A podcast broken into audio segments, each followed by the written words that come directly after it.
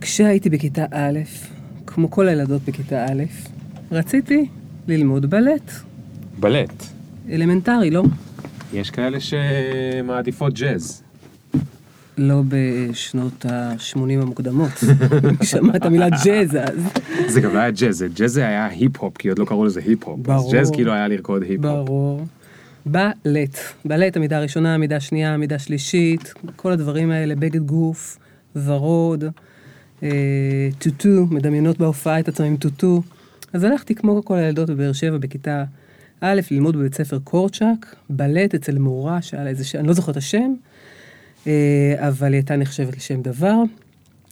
והגעתי לשיעור הראשון, והיה כזה כיתה, כמו שצריכה להיות כיתה, עם איזושהי רצפת בטח לינולאום, עם מראות על כל הקירות, עם בר, לא יודעת לקרוא לו בר, בר זה מעקה. בר זה מעקה, כן. מחזיקות, ואני מדמיינת את עצמי, מרימה את היד ומחזיקה את הבר, כמו רקדנית מצטיינת. והבגד גוף שהיה לי הוא לא היה אה, אה, ורוד, אבל לא נורא, היו כל מיני, היו הרבה שחור דווקא, זאת אומרת זה לא טעם את החלום, היה לי בגד גוף אה, כתום כזה, קצת כמו קורדרוי, פסים כזה בטקסטורה, עם טקסטורה מפוספסת, ועם טיקטקים למטה, שזה היה מאוד אה, מקובל אז, טיקטקים. והתחיל השיעור, וכל הבנות הקטנות החמודות בכיתה א', אה, שהיו גם עם קוקו שבלול, זה גם נורא חשוב, זה כן, זה חלק מאוד מה... חשוב. מכל העניין הזה, הלרקוד הוא לא העניין, כל המסביב הוא העניין. יש לי גם, אני מתחיל לנחש שבסופו של דבר את לא רקדת גם. אתה רוצה לה- להרוס לי את הסיפור? אה, שיט, סליחה. לא, אבל מה, מה היה שם? את כבר עם השבלו, אני כבר, אני כבר מדמיין את כל בנות באר שבע שם על הבר. שיושבות, עומדות על הבר, מרימות הידיים, מורידות הידיים, והמורה הזאת עם ה- השם דבר. סוניה שהיא- כנראה קוראים לה. כנראה סוניה או מרינה. אה, אה, אה, מתדרכות אותנו מה לעשות וכל הילדות מאוד מרוצות ואז יש שלב וצריך להרים את שתי הידיים ואני מרימה את שתי הידיים והטיקטקים נפתחים לי. פדיחה, אז מה, אבל את בכיתה א', הגזמת. זה עדיין פדיחה? מאוד. לילדה יואו. בכיתה, אפילו שיש תחתונים מתחת, כאילו, הבושה. בושה עצומה. אה, כמובן שמעולם לא רק, את השיעור הזה לא סיימתי, ברחתי. עד כדי כך. בוודאי. לא, אז חשבתי שתגידי, בסוף אה, לא מצא חן בעיניי, אז לא רקדתי. זאת אומרת, בגלל הבושה... ברור, בגלל זה אני לא רקדנית היום. אה, זה בגלל סיפור, זה לא למעשה. סיפור נכון, קריירה. נכון. זהו, אני הזמנתי אותך כי את רקדנית, בלט, לא ידעתי שבעצם בסוף לא. שבעצם את עושה משהו אחר לגמרי. בסוף פחות. אוקיי, אני מקווה שגם כן. הדבר השני שאת עושה מעניין אותי. מאוד אז מה את. עושה היום? וואו, מה שאני עושה היום, אחרי... אני חייב לדבר עם התחקירן שלי, הוא כתב- הוא כתב לי רקדנית בלט. רקדנית. לא. למרות שאני נראית כמו רקדנית, תספר להם. לגמרי, מה זה? נכון? אם רק היה פה בר, אז לגמרי, יש לי את זה גם. זה מעקה אמרנו. הבר. אז מה אני עושה היום? היום, אחרי התגלגלויות של כ-20 שנים אה, של קריירה שעוד נספר עליהם בטח בהמשך, היום אני עושה, בשנה וחצי האחרונות, אני מנהלת אה, את תוכנית הדבר הבא. תוכנית הדבר הבא היא תוכנית חברתית שיושבת בתוך, אלומה, בתוך אה, ארגון אלומה, והיא תוכנית פילנטרופית. זאת אומרת, מי שיזם אותה זה קרן רוטשילד קיסריה, קרן אדמונד ורוטשילד ליתר דיוק, והתוכנית הזאת, המטרה שלה היא לעזור לסטודנטים שיוצאים לשוק התעסוקה, אה, לגשר על הפער הזה, על הקושי המאוד גדול שיש לסטודנטים שמסיימים תואר אקדמי, אחרי שהם למדו הרבה מאוד שנים, גם בתיכון, השקיעו, למדו, פסיכומטרי, לימודים, במקום הכי טוב, הצליחו לסיים בהצלחה, ואז הם יוצאים לשוק התעסוקה, הם מבינים שאין, שהשוק לא מחכה להם, הם חשבו כן. ככה אבל לא. כן. ובמסגרת התוכנית שלנו, שיושבת בכ-23 מוסדות אקדמיים בארץ, כמעט כל האוניברסיטאות והמכללות, סטודנטים יכולים לעשות קורס אה, אקדמי שמזכה אותם בנקודות זכות, שמחבר אותם, אה, מלמד אותם, מכין אותם לשוק התעסוקה, ובמקביל החלק המשמעותי הוא שהם עושים התמחות בתוך ארגון חונך, שבמסגרת ההתמחות הזאת הם, הם מצוותים למישהו מתוך הארגון, הם מקבלים תפקיד משמעותי, והם לומדים את עולם התעסוקה, אבל מה שהכי מעניין לראות במחקרים שאנחנו עושים, התוכנית קיימת כשש שנים, ואנחנו עושים מחקר מלווה, זה שכשאנחנו בודקים סטודנטים שעשו את התוכנית, לעומת סטודנטים שלא עשו את התוכנית, הסיכוי שלהם למצוא תעסוקה שהולמת את ההשכלה שלהם, גדול ב-31% על פני אלה שלא עשו את התוכנית. מדהים. זאת אומרת, התוכנית הזאת מוכיחה, זה שאתה עושה התמחות באיזשהו ארגון, מוכיח את עצמו כשאתה יוצא לשוק התעסוקה ומראה, כותב בשור, בקורות החיים שורת ניסיון, כן. מקפיץ אותך. טוב, זה לא כזה מפתיע, נכון? נכון. זאת אומרת, מי שיזם את המיזם היה חכם. ובעל ניסיון, או חכמה ובעלת ניסיון, כן. ו... ועשתה את הדבר הנכון. נכון. התמחות זה דבר מאוד מאוד חשוב. אז תשמעי, עכשיו אני ממש מבין. שזה יותר טוב אפילו מה שאמרת רגע מלהיות רקדנית בלט, Hmm. כי את אה, יכולה רק לדמיין כמה אני, אה, הנושא הזה הוא חם בעיניי, והוא חשוב בעיניי, ותגידי לי רגע, בשש שנים האלה, לכמה סטודנטים, בכמה סטודנטים הצלחתם לגעת? אה, השנה יש בתוכנית, היא גדלה בכל שנה, השנה היו בתוכנית קרוב לאלף סטודנטים, בסך הכל נגענו בכשלושת אלפים סטודנטים לאורך השנים. ומי בוחר אה, איזה סטודנט מגיע לתוכנית שלכם? אה, מי שבוחר קודם כל זה האקדמיות שבוחרות להשתתף בתוכנית, כן. ואותן אקדמיות, מכללות או אוניברסיטאות, בוחרות באיזה חוג, חוגים או פקולטות, כי זה לא בכולן. מהמם. אני כן, חשוב לציין שאנחנו מכוונים כמובן לסטודנטים שאין להם התמחות מובנית, זאת אומרת לא למשפטים, רפואה, ראיית חשבון. כן. וכולי, אלא בעיקר לסטודנטים ממדעי החברה, מדעי הרוח, עיצוב, מאז שאני נכנסתי, בגלל שאני מגיעה מעולם העיצוב, זה היה לי חשוב, אז הכנסנו גם את עולם העיצוב אוקיי. לתוכנית.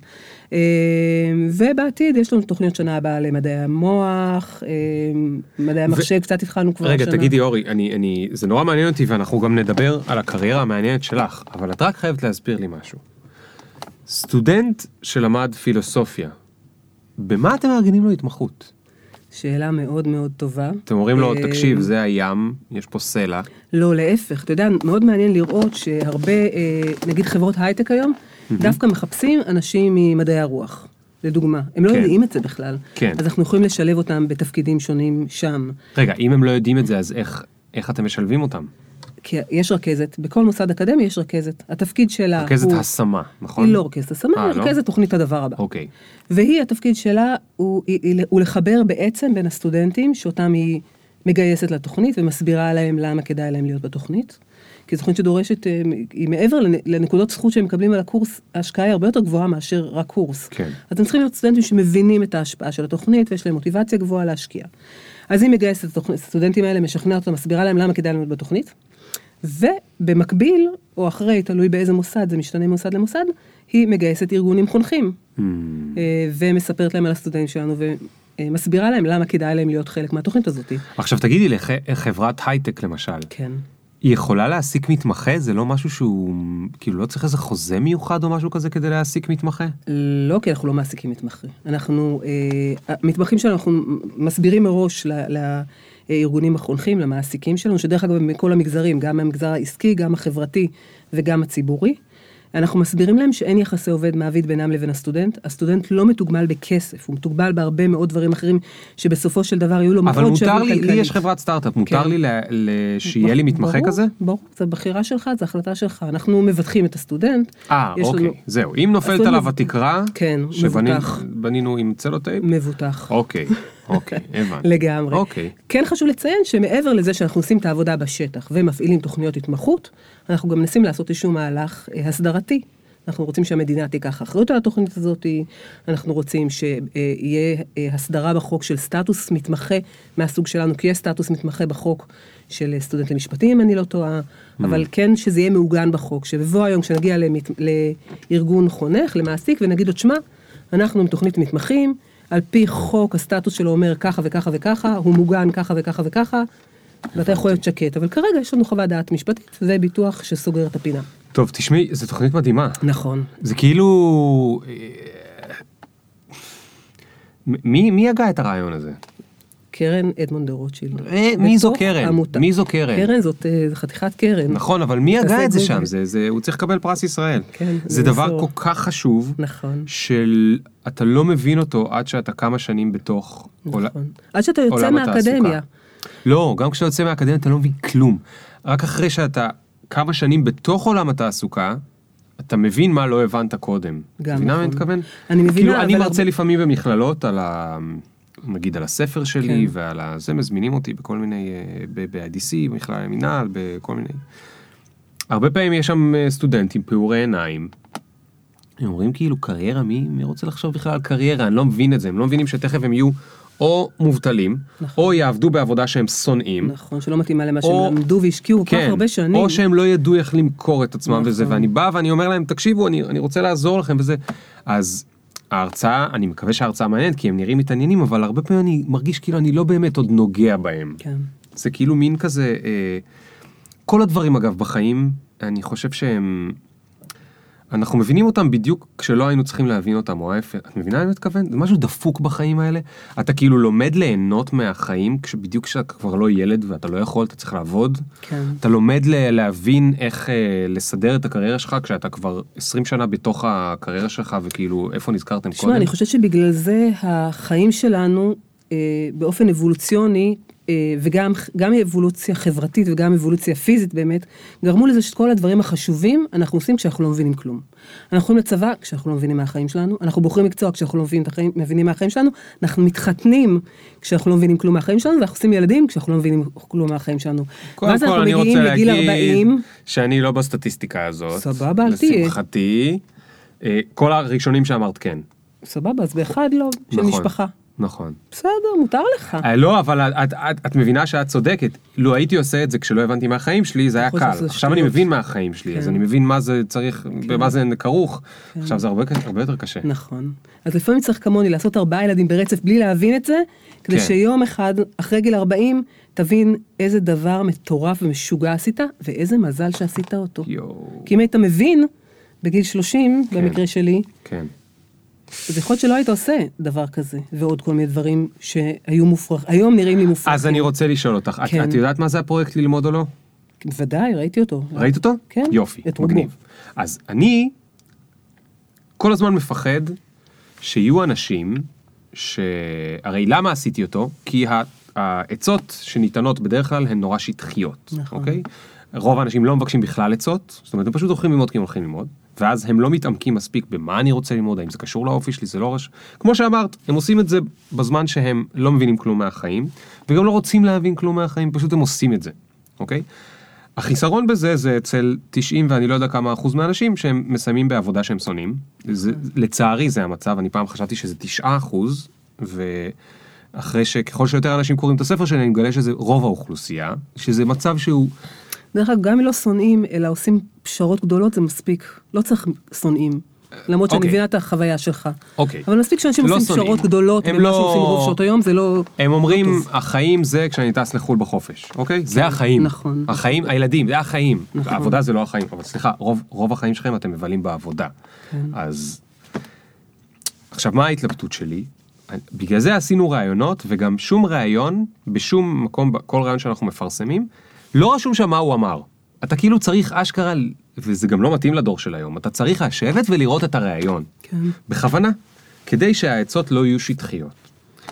עכשיו זה נורא מעניין מה אנשים אומרים שם אני לא אגלה אבל הדבר האחרון שנשאר לי ברגשות פחד שלי מהפרויקט הזה, כי זה אחריות גדולה, נגיד שהוא יהפוך להיות ויראלי ו- ו- ויתפשט, ואני רואה כבר אנשים מתחילים לתייג אחד את השני שם בפייסבוק, חס וחלילה שהם לא יקבלו איזושהי עצה, עצה שטחית, או שהם יחשבו, כדאי לי לא ללמוד. למה? כי היה פרויקט שדיבר על ללמוד או לא, אז אולי כדאי לי לא ללמוד. לא, רגע, אני רוצה שתיכנס ותראה את הזה.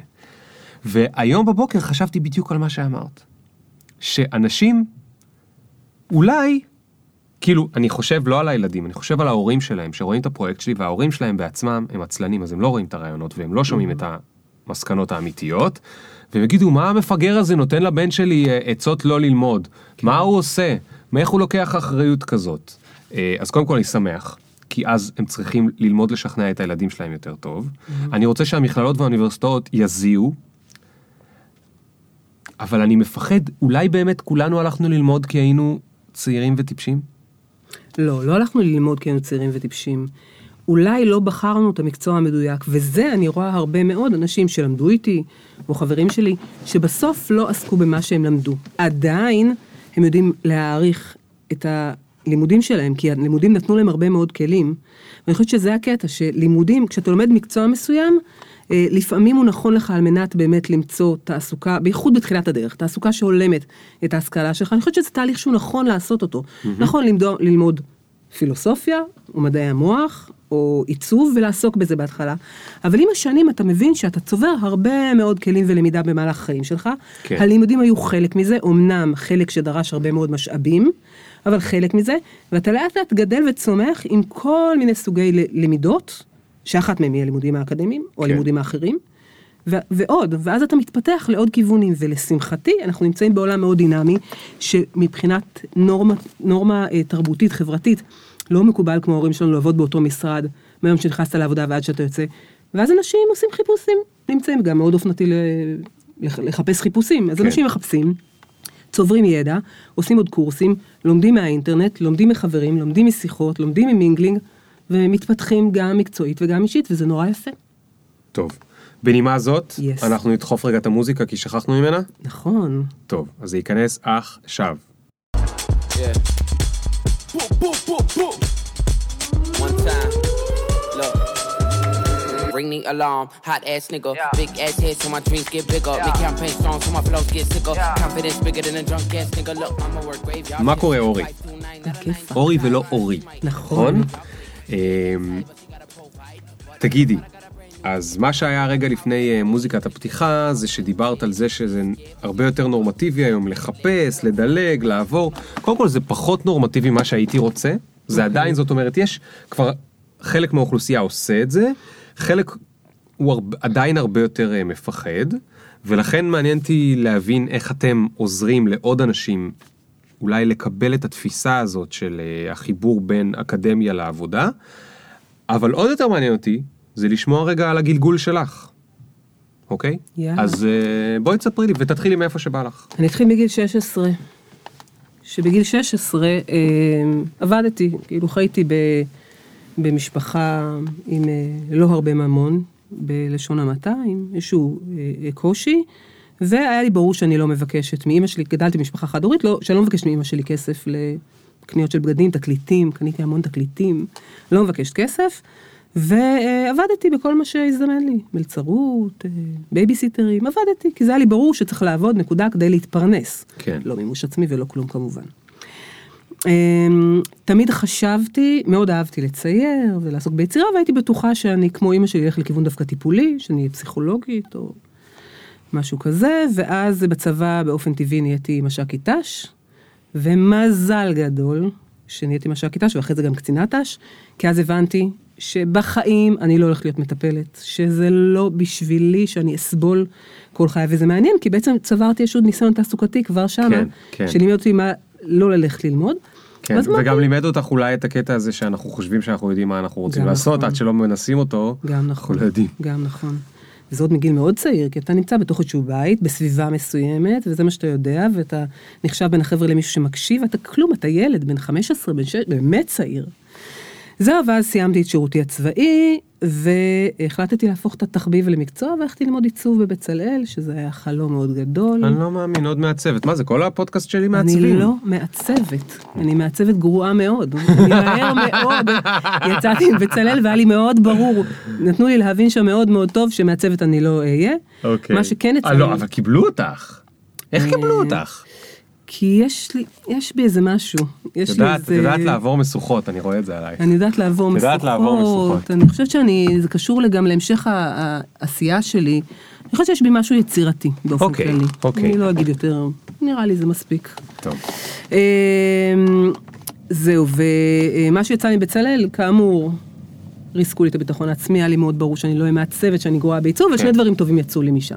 אחד, שהכרתי את בעלי, או. דורון, שזה דבר מאוד חשוב, ואבי נכון. ילדיי. נכון. ודבר שני, שיכולתי לשים שלטים על עצים כשסיימתי את בצלאל, שבוגרת בצלאל עושה שיעורים ברישום. הייתי מאוד, אני עדיין, אני מאוד טובה ברישום, Hmm.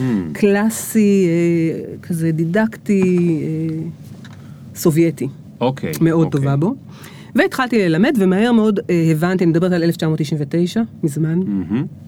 הבנתי מאוד מהר שיש צורך לאנשים שיעזרו להם אה, בתהליכי מיון למוסדות אקדמיים ללימודי עיצוב, לבצלאל, לשנקר, אדריכלות תל אביב, אדריכלות טכניון, איך עברת את זה בגילך הצעיר? כי אה, באמת הייתי צעירה, הייתי בת 25. כי באו אליי חבר'ה לצייר, לקורס ציור, לימדתי אצלי בבית, ואחרי זה כן. באיזה מקלט בדרום תל אביב, כאילו... וראי, ואנשים אמרו, אני לא, לא רק ציור, תעזרי לי לעשות תיק עבודות. ואז עזרתי להם לעשות תיק עבודות, ואז אמרו לי, רגע, רגע, אה, תעזרי לי את כל הרעיון. ורגע, רגע, בעצם הבחינה בעיצוב היא הרבה יותר משמעותית מאשר התיק עבודות, אז תכיני אותי גם לזה. וב-99 הקמתי את המכינה הבינתחומית לעיצוב ואדריכלות. וואט? יס. אמ, שבהתחלה, כאמור, זה היה באיזשהו מרתף, עם, אה, כאילו, המודעה הראשונה פרסמתי... רגע, אני יכול לשאול אותך משהו? יס. בתור מישהי שהגיעה למסקנה שהיא לא תהיה מעצבת. נכון. היה לך משהו שם שהפריע כן. בסיפור? אה, שהפריע לו, דווקא חשבתי כבר, ניחשתי את השאלה שלך, מה זאת אומרת שהפריע בסיפור? לא, שאת כאילו מק- מקימה מכינה לגרום לעוד אנשים להתקבל למוסדות האלה. אז אבל אני- את בעצם אומרת, אני לא איזושהי מישהי שיצאה משם והחליטה שהיא תהיה מעצבת. בסדר, אבל כדי ללמד מישהו להתקבל לבית ספר לעיצוב, אתה צריך להתקבל לבית ספר לעיצוב, את זה נכון. כבר עשיתי, יש לי ברקורד. וחוץ מזה, כשאתה יוצא מאיזשהו מקום, כשהביטחון שלך בעס- ב- במקצוע שלך הוא מעורער, אתה חייב לשאוב ביטחון ממקום אחר. ואני שאבתי ביטחון, אה, איך שאני רואה את זה היום בדיעבד, אה, אה, כן. כש- כשאני מבינה את במבט התהליך של- לאחור. במבט לאחור, בדיוק. אה, הבנתי ששאבתי את הביטחון שלי מ, אה, מהצופים, מזה שהייתי בצופים, מארגנת, אתה יודע מה, מהצופים וגם מזה שהייתי קצינה, באופן מפתיע. זאת אומרת, זה שתמיד הייתי מארגנת, ומובילה, ומנהלת אנשים, ואת זה לדעתי לקחתי עם הכלים שלמדתי בצלאל, למדתי כלים ב- כן. לעצב, אני יודעת כן. מה זה קורס עיצוב בסיסי, שזה בתכלס מה שעושים עושים במכינה, זאת אומרת, זה לא, אתה לא מלמד ברמות אה, גבוהות של עיצוב כן. עדיין בשלב הזה.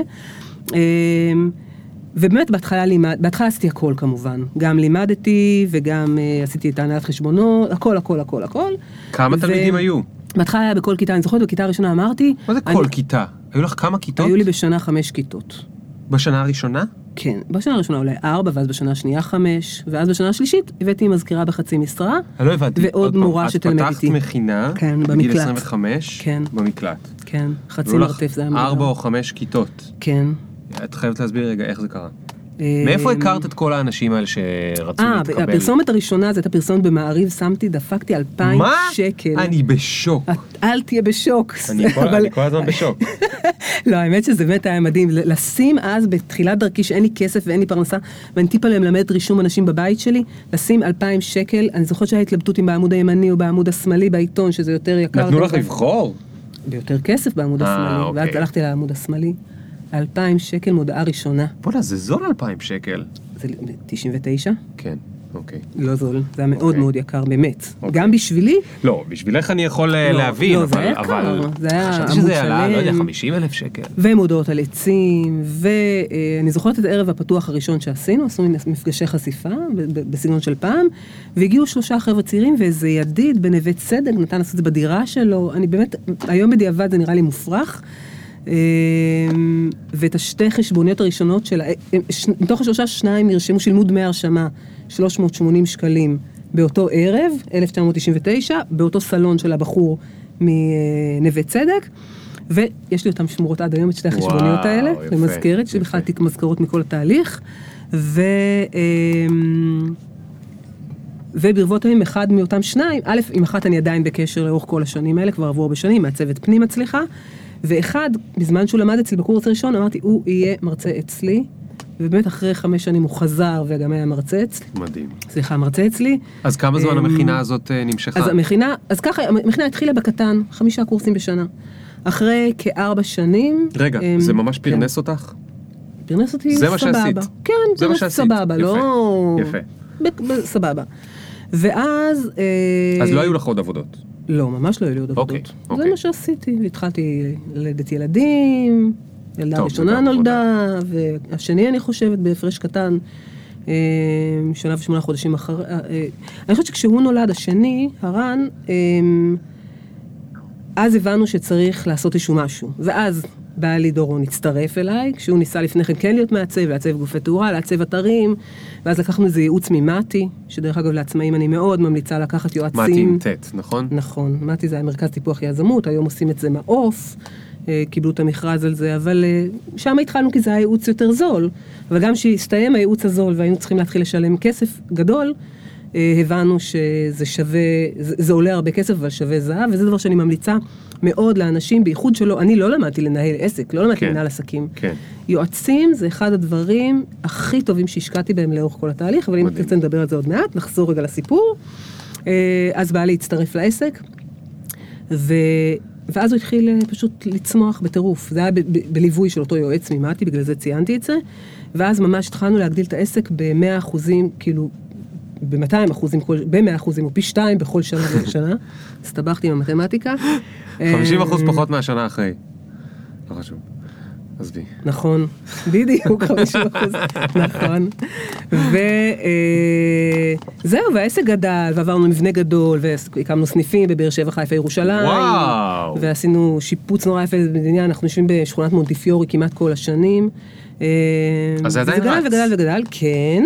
באמצע גם עשיתי איזושהי פאוזה, דורון המשיך לנהל, היינו מנכ"לים משותפים עם חלוקת תפקידים מאוד מאוד ברורה, הוא יותר על כספים, מכירות, אני על שיווק, הדרכה. באיזשהו שלב גם בילד השלישי נמאס לי ללמד, אז הפסקתי אפילו ללמד, אלא רק אה, היה לנו צוות. את יכולה שנייה להסביר Yes. את ההבדל בין שיווק למכירות? בוודאי, את ההסבר שלי. יש המון הסברים, שמעתי המון בחיים. שיווק זה משהו שפחות מדיד, זה שלח לחמך על פני המים. זה לתקשר אותי, לספר עליי, להגיד תדעו, תדעו, תשמעו, תשמעו. אתה לא לגמרי יודע לאן זה מגיע. עכשיו, הכלים לעשות את זה הם המון, זה שלטי חוצות, זה פרסומת בעיתון, בטלוויזיה, וכמובן מלא מדיה דיגיטלית, רשתות חברתיות היום, שזה הרבה פעמים הרבה יותר מופץ, הרבה יותר למסות ובסכומים הרבה יותר נמוכים, אבל זה אה, לשווק, לספר, גם בשיחות סלון, גם מה שאנחנו עושים עכשיו, לשווק. כן. למכור זה מדיד, זה כמה סטודנטים הבאתי לתוכנית הדבר הבא. זה כמה סטודנטים, תלמידים במכינה הבינתחומית, שעכשיו היא כבר הבינתחומית לעיצוב אדריכלות, כי התרחבה יותר לאשר, מאשר רק למכינה, אבל כמה סטודנטים אתה מביא לבינתחומית לעיצוב האדריכלות בחודש, בשנה. זה למכור. שם יושבת מישהי על הטלפון בפגישות ייעוץ, שוב, בכל, אני אתן שתי דוגמאות מאוד שונות, להביא כן. כן. סטודנט לתוכנית מתמחים חברתית, או להביא תלמיד שמשלם אלפי או לפעמים מעל עשרת אלפים אה, שקלים לקורס, להביא אותו בצורה מאוד מאוד דומה, לענות על הצרכים שלו, לבדוק מה הכאבים שלו, למכור לו בסוף, לא, שהוא יוציא או את הכסף מהארנק, או שיחתום שהוא חלק מהתוכנית, וישתתף בה. זה מכירות, מדיד, יפה. מספרים, יפה. יעדים, אז את עשית שיווק והוא מכירות. נכון. איך זה?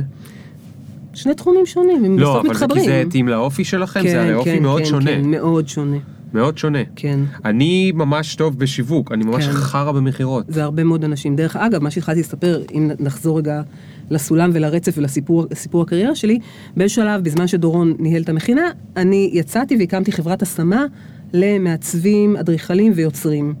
לא היה דבר כזה בשוק, יש, אתה יודע, כל מיני חברות השמה כלליות, יש חברות השמה ספציפית, נגיד לרפואה, יש שתי חברות, למקצועות רפואיים יש שתי חברות השמה, יש חברות השמה להייטק הרבה. נכון. לא הייתה חברת השמה בתחום הזה,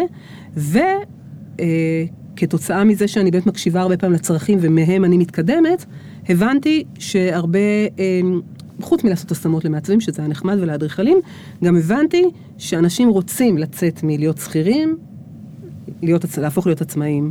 ואז התחלתי לתת ליווי עסקי והדרכה, בעיקר ליווי אה, וייעוץ לאנשים כאלה, שאומרים וואלה, אני את כל היצירתיות שלי נותן לבוס שלי, מקבל משכורת בסדר יותר או פחות, אבל בא לי לעשות את זה בשביל עצמי, אני מוכשר, סיימתי את הלימודים שלי בו ופה, כבר עשיתי משהו, יש לי תיק עבודות מרשים, אני רוצה להיות עצמאי. כן. ונתתי הרבה פעמים ליווי אה, לחבר'ה כאלה, וגם, דרך אגב, הרצאות, אחד הדברים שעשיתי ואני עדיין עושה, למרות שאני כבר בדבר הבא, זה אני מגיעה בכל סוף אה, אה, לימודים, שנה ד' זה בעיצוב, באקדמיות לעיצוב, מזמינים אותי להרצות על היציאה לשוק התעסוקה כמעצב, על כן. איך בכלל לצאת, איך כן. לחפש עבודה, איך להכין תיק עבודות, איך, כאילו, א- איך לצאת שם לדבר אז הזה. תגידי, את מכירה את הניו-סקול? כן, בטח, אה, אוקיי. זוכרת אותו. היטב. אה, הוא עדיין פעיל. כן, אגב, באנגלית בעיקר, אבל... אה, את בעצם תפסת את האנשים אז לפני הלימודים וגם אחרי הלימודים. נכון, וגם אחרי. אחרי הלימודים. נכון, אני מכירה אותם בשלושת הצמתים האלה. כן. אז זה בעצם גרם לך ברבות השנים להגיע למקום שבו את מבינה את הכאב של... אה, בוא נקרא לזה את הכשלים ב... ב... בסיפור המודרני. כי הסיפור המודרני, לא מספרים לנו אותו עם כשלים. הסיפור המודרני בלי הכשלים הולך ככה. זה נורא קל, אתה תמצא משהו שאתה אוהב, ואז אתה לומד אותו, ואז אתה עובד בו. נכון? נשמע מאוד מאוד קל. הכשלים הם נמצאים בכל נקודות החיבור. אבל למה אתה שלילי? למה לא אתגרים?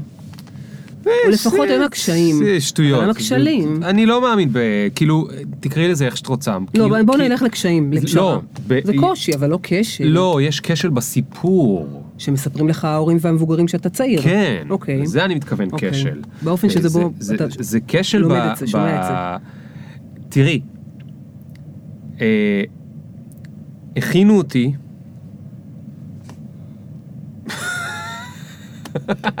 אני מנסה להבין כאילו מה הכינו אותי בלימודים, ב-12 שנות לימוד. עוד פשוט לא לפני, מה ההורים שלך הכינו אותך? לא, מה, הכינו אותי בלימודים? זאת אומרת, אוקיי. הכינו אותי, זאת אומרת, לימדו אותי נגיד תנ"ך. כן. באתי להגיד, אבל- הכינו אותי לזה שאני... אני לא יודע למה הכינו אותי עם תנ"ך. אז הכינו אותי בטבע, אוקיי? הכינו אותי שאם אני אהיה יום אחד בלי מחוסר גג, אני אוכל חובזה, אוקיי? כן. לקחו אותי לחווה החקלאית. הכינו אותי לזה שאם אני אצטרך לחבר מספרים באקסל, ונגיד לא ימציאו את המחשב, אז אני אוכל לעשות 2 ועוד 2 שווה 4. הכינו אותי לכל מיני דברים חשובים בחיים. אוקיי.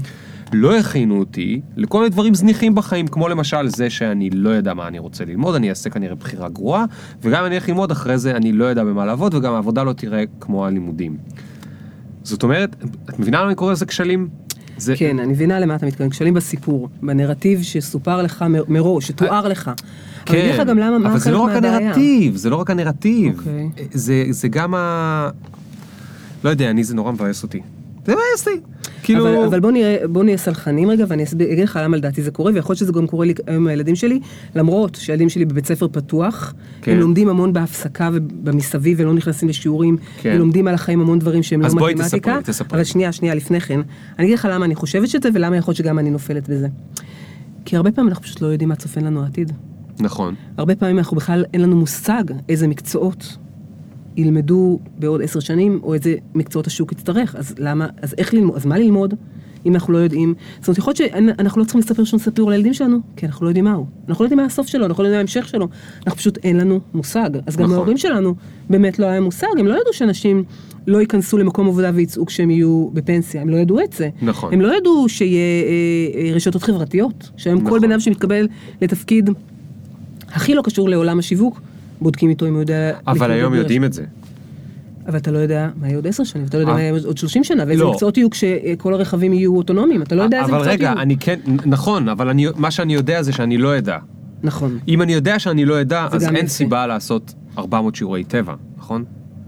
לא מדבר על שיעורי תנ"ך, כי זה עניין שהוא בגלל זה הילדים רגיש, אז שלי אני לא בבית רוצה... ספר פתוח. אז מה קורה בבית ספר פתוח? בית ספר פתוח, בית ספר של הילדים שלי בית ספר השיטה, ברחובות. אני חושבת שהוא או היחידי הפתוח בארץ, או שיש עוד איזה אחד, שמעתי בבית אור, אני לא בטוחה, לא חותמת על זה. אה, זה בית ספר שמאפשר לכל תלמיד לבחור בכל רגע נתון לעשות מה שהוא רוצה. כמו בית ספר דמוקרטי. לא. בבית ספר דמוקרטי בגדול, השיטה אומרת שבתחילת שנה אתה בוחר, כמו באוניברסיטה, זאת אומרת יש לך בחירה, אבל אתה חייב לדבוק בבחירה שלך וגם יש לך מקצועות חובה. אצלנו אין שום מקצוע חובה, אפילו זה לא? אפילו זה לא. אתה יכול להחליט שהיום אתה נכנס למתמטיקה, ואתה יכול להחליט שאתה לא נכנס, אתה יכול להחליט שאתה לא נכנס בחיים למתמטיקה, עד כיתה ח' או ז', מה שקרה לאחד, לאחד הבנים שלי. אה, אתה יכול להחליט שאתה כל היום בספרייה, אתה יכול להחליט שאתה בחצר ויש מורה חצר. זאת אומרת, יש לך איזושהי אה, סביבה תומכת ומלמדת, גם אם לא את מקצועות הליבה, ודרך אגב זה בית ספר של משרד החינוך, של העירייה, לא כן, פרטי. כן. זאת אומרת, כל מה שלומדים, מי שבוחר להיכנס לשיעור, לומד מתוך ספרים של משרד החינוך רגילים לגמרי. כמה שנים הילדים שלך שם? מגוון. הגדולה, שהיא בת 15 וחצי, עזבה עכשיו, לפני שנה, אחרי שהייתה שם מגן חובה. או-אה. נו, אז מה התוצאות? זה עובד? אה, היא דווקא דוגמה מדהימה לזה שא', יש לה יכולת למידה. אחד הדברים שלומדים שם זה איך ללמוד, דרך אגב, ויש לה יכולת למידה עצמית מדהימה, היא ממש, כאילו, היא עברה מבית ספר פתוח לבית ספר רגיל, הישגי, לימודים, הכל חמש יחידות, מה שצריך, לומדת. היה, הייתה תקופת מעבר לא פשוטה, אבל היא ידעה לעשות את זה. הבן השני שלי, שהוא בן 14, אה, זאת תהל הגדולה, הרן השני בן 14 תכף. אין לך שמות רגילים לילדים? סיגל... לא, אה, דווקא הם די רגילים. אתה יודע מה, אפרופו שוב לא לדעת, אני, היה לי נורא חשוב. אני נולדתי עם השם אורי, ילדה שנות ה-70, שיער לבן קצר בבאר שבע, סיוט, התעללו בי. נכון. אל תשכח לחזור לאיפה שהיינו. אני מנסה לשמור על רצף. את לא צריכה. אני קופצת. אה, יש לי נטייה כזאת, והיום אני ממש מנסה ככה גם לי יש נטייה, אבל אני- יודע איפה הרצף. סבבה.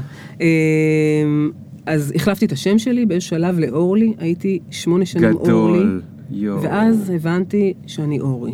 כן. וחזרתי לאורי, לא זו אף זו, אמרתי לילדים שלי, יהיו להם שמות שלא יהיו בכיתה עוד כאלה. לילדים שלי יהיו שמות מיוחדים. תהל. תהל? הרן, לביא ופלי. וואו. תכלס, אני חייבת להגיד לך שזה ממש כבר לא מיוחד, אין דבר כזה שמות מיוחדים. יש פלי? יש עוד פלי בעולם? פלי יש בנים בהתנחלויות. זה שם של מלאך מעניין. מהתנ"ך. אז אם מעניין. ת- תיגש לתקוע, תצא לגן השעשועים בתקוע, תמצא שם שם- בבנים. אני חושב שהם מוכרים שם ג'ינג'ר או פטריות. פטריות, נכון, בכל הסופרים יש. קשורות למהדרין, אני מניחה. אז אולי פלי עטף את הפטריות. כן, אבל אוקיי. בקיצור היא היחידה, אני חושבת, לא, בעצם גם הרן, אבל מה שאני רוצה להגיד זה שגם בשמות אתה כבר לא מצליח להיות מיוחד, בטח כן. כשאתה שולח את הילדים שלך לבית ספר פתוח, ונחזור ברצף לבית ספר פתוח. ששם אתה יכול לבחור מה שאתה עושה, ההבנה היא שאתה יכול ללמוד הרבה מאוד דברים, לאו דווקא בשיעור באמת מדעים. אה, מה גם שבשיעור מדעים וגם בתנ"ך אני חושבת שמלמדים קצת אחרת. מהמם. אה, אבל זה לא האישו, האישו שבאמת אתה, אה, הלמידה שלך המשמעותית יכולה גם להתקיים כשאתה בחצר הרבה מאוד שעות, והלמידה שלך יכולה להיות, אם אתה בחדר אומנות המון שעות, כי זה מה שאתה בוחר ואוהב לעשות, כן. והלמידה שלך יכולה להיות משמעותית, אתה לומד הרבה מאוד דברים מהחיים, חוץ מאשר את מקצועות הליבה שהם חלקם גם חשובים. כן, אה, חלקם. נתון לדיון. כן. אתה לא יודע עד, עד שלא, אתה לא בדיעבד, אתה לא יודע אם הם היו חשובים או לא היו אה, חשובים, אבל כן. נעזוב את זה. אז בואי נחזור אלייך. אז... אה, אז הייתי היה כבר, היה, במכינה, הייתה לך כבר את. המכינה, הרבה נכון, מאוד שנים. נכון, ש... היום כבר 18. והתרחבתם ל-18 שנים. כן. עכשיו כבר, אני חושבת, יואו. 99. תגידי משהו, כן. אה, תוך כדי שעשית את המכינה, באיזשהו שלב קמו לכם בטח מתחרים, לא? בהחלט. ואיך הרגשת לגבי המתחרים? רע מאוד. רע מאוד? עד היום. מה זה גרם? אה, עד היום. אני, מאוד קשה לי עם תחרות. אני בן. אדם שלא עומד טוב בתחרות. אני... מה זה עושה לך? עושה לי רע, רע, רע. רע, רע כמו רע, כשל אבל או רע כמו אתגר? קודם כל קרה כמו כשל בא לך למות. אני זוכרת אוקיי. הפעם הראשונה שמישהו אמר לי בטלפון, בהתחלה גם הייתי עושה שיחות מכירה הרי. היום יש צוות יועצות, אבל אז אני הייתי, והייתי עושה שיחות מאוד לא אפקטיביות של חצי שעה, לא הבנתי בכלל כמה אני מבזבזת זמן. אה, וכשמישהו אמר לי פעם ראשונה, כשחזרתי אליו, עשיתי לו פולו-אפ, שלא ידעתי אז להגיד פולו-אפ, אה, חזרתי והוא אמר לי, תודה, אה, נרשמתי למתחרים, שהמתחרים דרך אגב קמו רק שלוש שנים אחרינו. כן. כי בהתחלה שלוש שנים חיינו באיזה ואקום, לא היו מכינות לעיצוב, כן. ואז השוק התחיל לגעוש, שעשה לנו מאוד טוב כמובן, כי הייתה רוח גבית ונהיה, כאילו, כל מי שעשה פרסומות לעצמו גם עשה לנו פרסומת, ברור. רחוב אבולעפיה כזה, כמו זה שפותח ליד אבולעפיה. ו... אה, אז בפעם, בפעם הראשונה שמישהו אמר לי את זה, אני לא התאוששתי יומיים, אני חושבת, וואו. אבל עם הזמן הבנתי שאם אני רוצה לחיות בעולם תחרותי, בעולם עסקי, אז אין מה לעשות, צריך להיות שם, לנתק רגשות, לעבוד. אז מה, איך מתמודדים עם תחרות? וואי, איזה שאלה. זאת שאלה שהייתי צריכה להתכונן אליה, אתה רואה? לא, את לא היית צריכה להתכונן, תספרי לי מה את באמת עושה. לא, אני מנסה לחשוב. זה נורא מעניין, כי גם לא חשבתי על זה הרבה זמן. נגיד, המקום שאני נמצאת בו היום, תוכנית המתמחים, אין לה, אין לה תחרות. אנחנו כן עובדים בסטנדרטים על גבול העסקיים, עומדים ביעדים, צריכים להביא מספרים, הרכזים בשטח, אני... מה- זה מה- כי אתם באים מקרן רצינית. לא, לא בגלל זה. אז אה, למה? אני לא רוצה לזקוף את זה לזכותי, אבל זה כי אני נכנסתי לתוכנית ובאתי מהעולם העסקי. זה לא משהו שהיה... אז אולי תזקפי את זה לזכותך. אז אני אזקוף את זה לזכותי. מאז שהגעתי לתוכנית היה לי ברור שצריך, שאם לא עובדים ביעדים ועובדים רק בשירותיות, אז אין, לא מגיעים למספרים. אמ, אבל אני אנסה לא להתחמק מהשאלה שלך על תחרות. תראי, אני אגיד, אני אתן לך רמז, כן. כי אני חושב שאת ענית על זה בלי ששמת לב. אוקיי, מה אמרת לי? מה אמרתי? ככל שהבנתי שתחרות זה חלק מהמשחק, ניתקתי רגשות נכון, והלכתי לעבוד. נכון. כי אני חושב שזה הדבר היחיד שאפשר לעשות באמת עם תחרות. אני חייבת באמת, באמת, להגיד באמת. זאת אומרת, לא, יש רק עוד דבר אחד נכון, אולי נכון, קטן, שזה נכון. היה להבין את הייחודיות שלך ואת ה... לגמרי. את הנישה. אבל לגמרי. רוב, רוב ההתעסקות בהתעסקות עם תחרות, זה פשוט לעבוד יותר קשה מה... זה, כאילו you can נכון. outwork others. דרך אגב, זה נכון בעוד מקומות, זה נכון גם במקומות של כסף. אה, בכל עסק יש תקופות מאוד מאוד טובות שמאפשרות לך לחיות חיי רווחה, ויש תקופות פחות טובות, שאתה לא חי חיי רווחה. וגם בתקופות הקשות, לדוגמה, גם שם ניתקתי רגש. אה, זאת אומרת, תמיד אה, בפיקס, בעליות, תמיד הייתי מבסוטה, ושם לא ניתקתי רגש, וחייתי בסבבה את החיים כן. הטובים, ובתקופות יותר קשות ניתקתי רגש, אמרתי, מה, כסף, עבודה, נמשיך לעבוד, נתייצב, נתחזק, זה, וזה קרה. ואז שוב נהיו תקופות טובות, והתחלתי כן. להפעיל רגש, כן. ולשמוח וליהנות. אוקיי, אמ, אז, אז מה היה הצעד, מה היה הדבר הבא? איך הגעת לדבר הבא? אמ, בוא נחשוב רגע מה, וואי, אתה יודע מה לא סיפרתי? מה עשיתי כשלמדתי בבצלאל? אפשר לעשות? כרגע אחורה ולספר מה היה בבצלאל? בטח, אני אדחוף את זה בעריכה. מעולה. לא חייב אפילו, אני יודעת, אני יודעת. ראיתי על העיניים שלך. א', אימא שלי תמיד אמרה לי, שזה מאוד נכון, היא אומרת, את תמיד מסתדרת. כי באמת, אני אימנתי את הלימודים שלי בעצמי, היו לי קצת מלגות, אבל כאילו, תמיד הסתדרתי כלכלית לבד ובלי עזרה. אה, ועשיתי כל מיני עבודות מגניבות בזמן הלימודים שלי. דרך אגב, תמיד עבדתי, בגלל שאימנתי לימודים, עבדתי הרבה יותר מחבר'ה אחרים בכיתה שלי, וזה היה לי בסדר גמור. זאת אומרת, היה לי בסדר גמור שאני יודעת שאני לא שעות על גבי שעות בסטודיו, ושאני בהגשות לא מקבל, לא הכי מצליחה, כמו שכבר הבנו מקודם בכל הבצלאל הזה, לא מקבל את הפידבקים הכי טובים, למרות שהפרויקט גמר שלי, קיבלתי עליו אה, פידבק מעולה, אבל זה היה בסוף בשביל הפינאל לצאת בטעם טוב. אבל ש... אני אספר על שתי עבודות שעשיתי מאוד מגניבות. אחת זה שהייתי המפיקה של תוכנית הטלוויזיה חלום הלחם עם עוזי חיטמן. יואו. שזאת הייתה תוכנית מגניבה מאוד. חה חה חה חה חה חלום הלחם. כן. היא הייתה מאוד מאוד מגניבה, אם כי היא הבהירה לי שבחיים אני לא עובדת בעולם הטלוויזיה, לא אהבתי אותו, בלשון המעטה. זה דבר אחד. דבר שני שעשיתי, שהוא בעצם אה, היה פעם ראשונה שהשתמשתי בחושיי העסקיים, אני חושבת, והיזמיים, זה שהיה לי עסק אה, לבייביסיטר לחיות בית ולכלבים בעיקר. הייתי גם מטיילת עם כלבים ברחבי ירושלים, וגם הייתה לי רשת, אז לא קראו לזה רשת, של אה, בתים של סטודנטים, חובבי כלבים שבעצם לא יכולים לגדל כלב והוא נמצא אצל ההורים, אהה. והם היו מארחים, קראנו לזה פנסיון ביתי. הם היו מארחים כלבים בבתים שלהם כשהבעלים שלהם נסעו לחופשות. עכשיו זה היה כבר סטודנטים זה קבועים דוג שהיו... מה- B&B כזה. לגמרי, בול, ככה היו קוראים לזה היום. אולי צריך לחשוב על זה. אז זה עשיתי עם חבר, וזה היה אה, אחלה חוויה. נחזור 20 כן. שנה, נכון. בערך קדימה. כן. אה, אז הייתה את אנחנו חברת השמה. ב-2008 בערך. אה, 2000, לא. לא? ממש לא, אנחנו כבר ב-2013, 14? 14, 14? אוקיי. ש- כבר כבר עוד, בטח ילד שלישי כבר, כן. אולי אפילו רביעית. כן. אה, חברת השמה, אמרנו קריאייטיב ג'וב, המכללה עובדת, בשלב כן חזרתי, חזרה לניהול. אה, זהו, והיה דיבור כל, בשנתיים האחרונות היה כל הזמן דיבור ביני לבין דורון לגבי יציאה שלי אה, מהעסק. גם, תכלס, לא נעים להגיד, נמאס לנו לעבוד ביחד. חלאס. נעים להגיד, למה לא? כן. את יודעת, התארחו פה, אה, התארחה פה מישהי וסיפרה לי, ובאמת הרבה מהראיון אני התעקשתי לדבר על העניין הזה של לעבוד ביחד עם בעלה. כי זה נראה לי לא טבעי לבן אדם. אה, לשהות כל החיים עם אותו בן אדם אחר, לא מספיק בזוגיות, אז גם כהורים וגם כבעל עסק. והיא דיברה על זה, וזה דווקא נחמד לשמוע, בסדר, זה בסדר שנמאס. לה, היא סיפרה שהיה לה טוב, שהיה לה כיף. ברור, אבל הם רק התחילו, נו מה, הם שלוש שנים, אז זהו. זה בדיוק מה שרציתי לספר לך.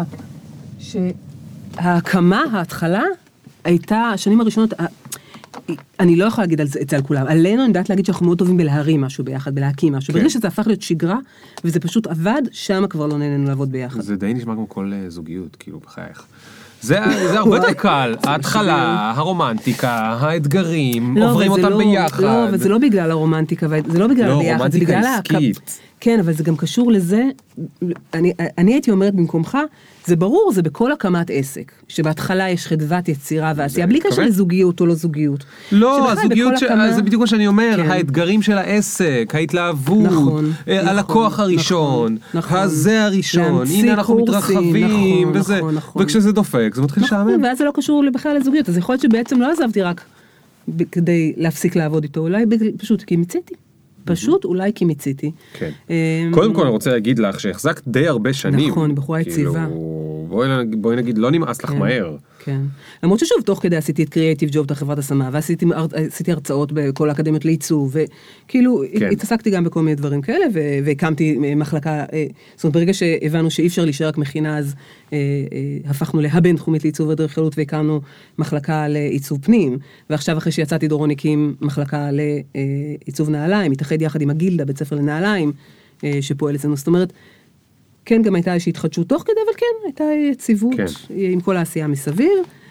אה, וזהו, הייתה התבחבשות, הייתה מחשבות, מחשבות, ואז יום אחד, חברתי הטובה ואני, שאיתה בסוף אני קובעת, מחליטה את ההחלטות הגדולות, אמרנו, זהו, חד משמעית, סופית, אין, אני יוצאת מהמכללה, סגור, לחיצת יד, חתום, דם, זהו. יום אחרי זה קיבלתי בוואטסאפ שתי הצעות עבודה. מה? במקרה? לא יודעת, יש שיאמרו קרמה, יש שיאמרו אלוהים. רוח הקודש, יש שיאמרו רוח הקודש גם. לזמן, נכון. ויעשו ככה עם הידיים, מה שלא לזמן. רואים נכון, לא רואים את הידיים. עם הידיים. אה, אה, בקיצור, ל- לך תדע, אני חושבת שיש עוד כוחות כל מיני שפועלים פה בעולם הזה, שאני לא יודעת להגדיר אותם ולא בא לי, ו- אבל... על זה אני לא, על זה אני לא אתווכח. שתי הצעות מדהימות, אחת מהן הייתה הדבר הבא, אה, ומהר מאוד אה, הגעתי לרעיון, הכל התגלגל, כאילו אני חושבת שאחרי יומיים כבר הייתי, שלחתי קורות חיים, אחרי יומיים כבר הייתי ברעיון, עברתי קצת תהליכים, בכל זאת תפקיד אני ניהולי. חושב שזה טריק של תוכנית הדבר הבא, לקרוא לעצמה הדבר הבא, ואז להציע לאנשים אה, את הדבר את הבא, הדבר הבא. לא, לא הייתי בין ממציאי השם, אני קיבלתי אותה זה שם מוכנה. ממש יפה, כן, זה שם יפה. הדבר הבא. כן.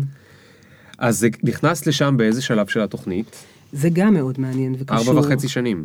התוכנית הייתה קיימת, עכשיו אנחנו באמצע השנה השישית, השנה האקדמית השישית, אז נכנסתי ממש בתחילת השנה החמישית. נכון, לפני כמעט שנה וחצי, נכון. אוקיי?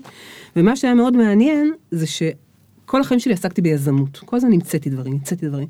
וכשהחלטתי וחשבתי והתלבטתי לגבי היציאה מהעסק, אמרתי, בא לי תקופה בלי... עכשיו, זה, זה it's in me, אני מרגישה עכשיו, אחרי שנה וחצי, שכבר מבעבעים ברעיונות שחלקם, דרך אגב, אני מיישמת בתוכנית. זאת אומרת, היזמות הזאת היא חלק ממני, אבל הייתי בתקופה שאמרתי, לא בא לי כלום לזרום. ברור, קצת בא לי לנוח. לקבל משהו מוכן ולשפר לנוח. אותו, לשדרג אותו, לגעת בו, לשייף אותו, זה מה שהתחשק לי וזה מה שקיבלתי. כן. זה מצחיק, כי אנשים מבחוץ מסתכלים עלייך ואומרים, "היא- אני מניח, היא עובדת נורא קשה, וזה דה דה דה, הם לא יודעים שבפנים את גם כל הזמן קצת, פוף, אני קצת נחה. לגמרי. אז בוא אני אגיד לך מה, אנשים, מה, מה אני אומרת לאנשים. תמיד שואלים אותי, וואי, בטח הרבה יותר קל לך עכשיו. אז אני אומרת להם ככה, יש להפריד בין אני עובדת יותר לבין אני עובדת קשה, נכון. אוקיי? כשהייתי מה כאן? אז עצמאית, מה כאן? אוקיי, כשהייתי עצמאית עבדתי הרבה פחות. הייתי כמעט כל צהריים איכשהו הצלחתי להגיע להיות עם הילדים שלי, יפה. למרות שגם היו לי מטפלות לאורך השנים, כי גם לא היה לי אף פעם חופשות, שזה גם משהו מעניין. בן אדם שהוא גם עצמאי אין לו דבר. כזה חופשה. אין, אין, לא הייתה לי חופשת לידה מעולם, אין, אין חופשות, אבל כן יכולתי בחלק מימות השבוע להגיע בצהריים. לא הייתה לך ש- חופשת לידה? בחיים לא. הייתה לי מטפלת שהייתה מגיעה איתי למכללה ליד עזריאלי, מסתובבת עם העגלה, אך כל שלוש שעות באה להעניק, באה שאני אעניק. אני בשוק. ככה, כל, כמעט כל הילדים שלי, כל אחד בדרגה, ב, ב, ב, ב, במצב, בתקופה שונה בעסק, תלוי בעומס. אבל מצד שני היית איתם בצהריים. כשהם טיפה יותר גדלו. אוקיי. כשהם טיפה יותר גדלו, יכולתי, יכולנו לחלוק, דורון ואני את ימות השבוע בעסק, בתל אביב, וכמעט תמיד מישהו היה איתם בצהריים, היה מקבל את פניהם. היום כבר שנה וחצי, ילדים באים, ילדי מפתח נהיו, שזה שינוי מאוד גדול. כן. אז מה שאני רוצה להגיד זה שמבחינת שעות עבודה עבדתי הרבה פחות, אוקיי? היום אני עובדת הרבה יותר שעות, אבל היום הרבה יותר קל לי. כן. כי כשזה שלך, שיש לך בסוף חודש לשלם משכורות ל-50, 60, תלוי באיזה תקופות של העסק, עובדים, כשאתה רואה שקורס שפיתחת ועבדת על מלא זמן לא מצליח, כשהמתח הוא כל כך, כל כך גדול, היום אני לא נמצאת. אני אומרת, מקסימום מה, יכעסו עליי שלא עמדתי ביעדים, מקסימום מה, יגידו שבזבזתי 500 אלף שקל של הקרן, כאילו מה יקרה? זה לא האוכל של הילדים שלי, היום אני מקבלת משכורת בסוף כל חודש, יש לי רכב מהעבודה, אני, לא, לא קשה לי. כשהייתי זה עצמאית, מגניב, אין לנו הרבה. אין לנו הרבה בפודקאסט הזה ש- שהם היו עצמאים ועושים אה, זה, אז זה ברור. מגניב דווקא. כן, אבל, אבל. בתוך העולם הזה, אה, אה, וזה אני חושבת העולם החדש שלי, אני שכירה, יש לי רכב חברה, אני רגועה, אני מרוויחה את המשכורת הגבוהה שלי, אבל לצד זה אני עושה כל מיני דברים, וזה זה החדשנות מבחינתי היום. שוב, אני לא יודעת איפה אני אהיה בעוד חמש שנים, מאוד יכול להיות ששוב אני אקים איזושהי, שתהיה לי איזושהי יוזמה חדשה ואיזושהי יזמות עסקית, מאוד מאוד יכול להיות, זה מתאים לי. אבל uh, כרגע אני יכולה לעסוק בעוד כל מיני דברים ליד, שחלק מכניסים כסף, וחלק מכניסים דברים אחרים. ספרי לנו, אנחנו לך. בסקרנים, כן, אני כן, מת פה בדיוק, במתח. אני מנסה... כוסס ציפורניים. כן, רועי. קודם כל, אני עדיין מרצה. אני מגיעה לבתי ספר לעיצוב, אני מגיעה לכל מיני מקומות, עושה הרצאות על יציאה לשוק התעסוקה, על פיתוח חשיבה יצירתית. אני מאוד מאוד מאוד אוהבת להרצות. אז זה משהו שאני ממשיכה איתו. אה, זה דבר אחד. אה, דבר שני מאוד חשוב שאני עושה, זה שאני כבר כמעט חמש שנים כותבת בפייסבוק פוסט-טור כזה, מין פוסט-טור כל סוף שבוע, משהו שקרה במקרה. מה זה בת, פוסטור? זה משהו באיטלקית? לא, זה בעברית, זה שילוב בין שתי מילים, פוסט וטור. זה כרגע, כאילו, זה לא... זה הלחם. הלחם בעברית. הלחם. כן, של פוסט וטור. בסדר, אני. כבר כמעט שכחתי שיש דבר כזה שנקרא טור. אז זה פוסט, טור. אוקיי. שאין לזה הגדרה, זה אין לזה הגדרה, גם זה לא בלוג, לא, זה אין לזה הגדרה, זה משהו שהתחיל במקרה, אני לא ידעתי בכלל. אבל ש- זה מעניין שהרגשת את הצורך לשים לזה שם מיוחד. כדי להבדיל את זה מפוסטים יכול להיות, אחרים. כדי לא להיות בתחרות. יפה אז מאוד. ישר בידלתי את עצמי. אז מה יש בפוסטור? אז הפוסטור הזה שזה התחיל... נשמע כאילו מאפה, מאפה צרפתי, נכון. אה, ככה אני צריכה בצק למתג כלים, את זה. אה. איזושהי. ריקוטה בפנים, חמאה, הרבה לא חמאה, מרגרינה. לא מרגרינה. מרגרינה. יש כאלה שמכינים אותו עם מרגרינה, את הפוסטור. אוקיי. הם, הם, לא אני. כן.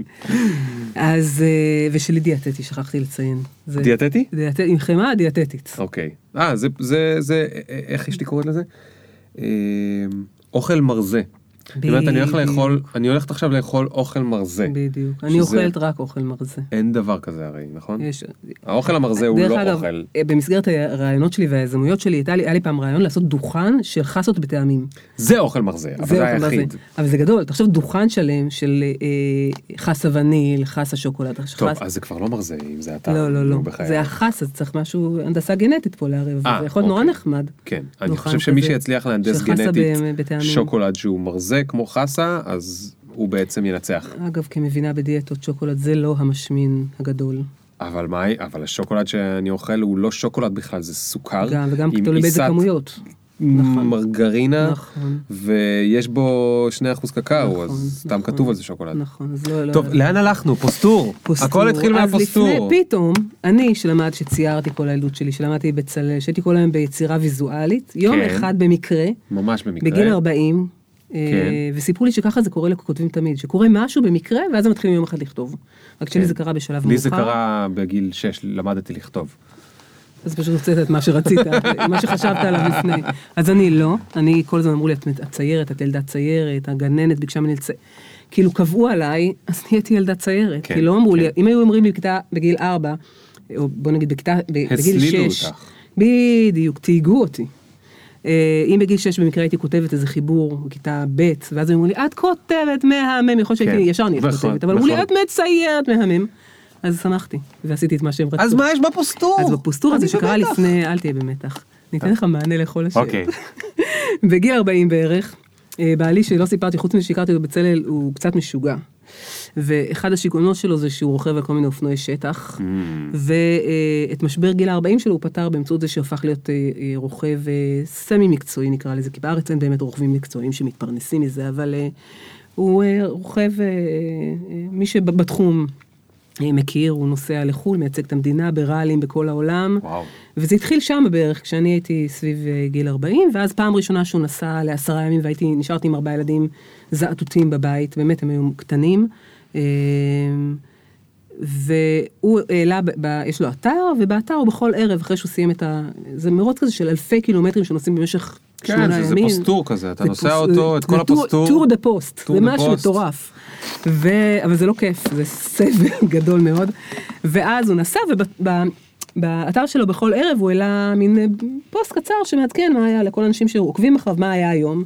ואז אני אמרתי, "מע- מעניין, בוא נתכתב איתו. ואז הייתי בכל ערב מעלה בעצמי פוסט בפייסבוק, לא היה לי אתר, כן. בפייסבוק, וכתבתי מה קורה בבית עם ארבעה ילדים בזמן שהוא עושה שטויות ביוון, בולגריה, לא זוכרת איפה שזה היה. ובאיזה סגנון כתבת? אמ,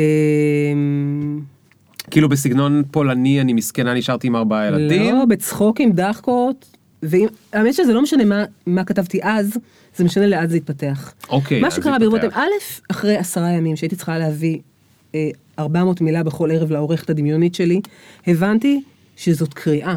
כאילו, אני, היו ערבים שביקשתי, ממך, כבר נכנסתי לזה, אחרי לי משמעת עצמית, חבל על הזמן. אה, ובאיזשהו שלב שהבנתי שאני חייבת לעמוד במשימה ששמתי עצמי, הייתי מביאה חברות שישמרו על הילדים בערב, שאני אוכל לשבת בחדר כן, ולכתוב את בדיוק באתי לשאול ה-400 כאילו מילה מתי האלה. בדיוק היה לך אה, זמן לכתוב שתי מילים עם ארבעה ילדים. אז אחד הדברים שעשיתי דרך אגב במהלך השנים האלה שאני כותבת בכל יום חמישי מעלה טור, זה העפתי את הטלוויזיה מהבית, ואת השעות שהשקעתי בלהתפסטם מול הטלוויזיה בערב, המרתי לשעות. כתיבה. לגמרי. להתפסטם להתפסטר. כן. אוקיי. תהליך פסטור. כל יום. חמישי את בעלת טור? כמה שנים? כמעט חמש, לא בדקתי, הייתי צריכה... וואו. כמעט חמש שנים כל זה ערב. המון. כן, ויש לי... לא כל ערב, כל ערב חמישי. לא, לא, כל ערב חמישי, ברור, ברור, כל ערב אוקיי, חמישי, לקראת סוף השבוע. וואי, התכסיתי בזיעת קנאה. האמת שזה בסדר. תענוג, זה חוויה, ולמה אני קושרת את זה לעולם הקריירה, ואני עוד רוצה לדבר על זה ולספר לך על מה אני כותבת, כי שאלת אותי על מה אני כותבת.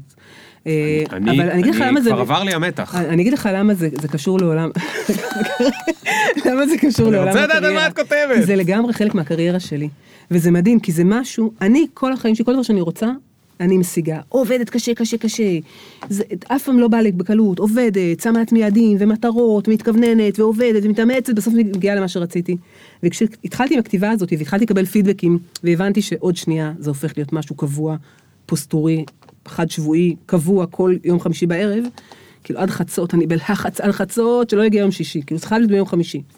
כי אנשים כתבו לי פשוט, וואי, כל חמישי אני מחכה לפוסט שלך, אמרתי, וואי, יום חמישי, הם קבעו עליי, שוב.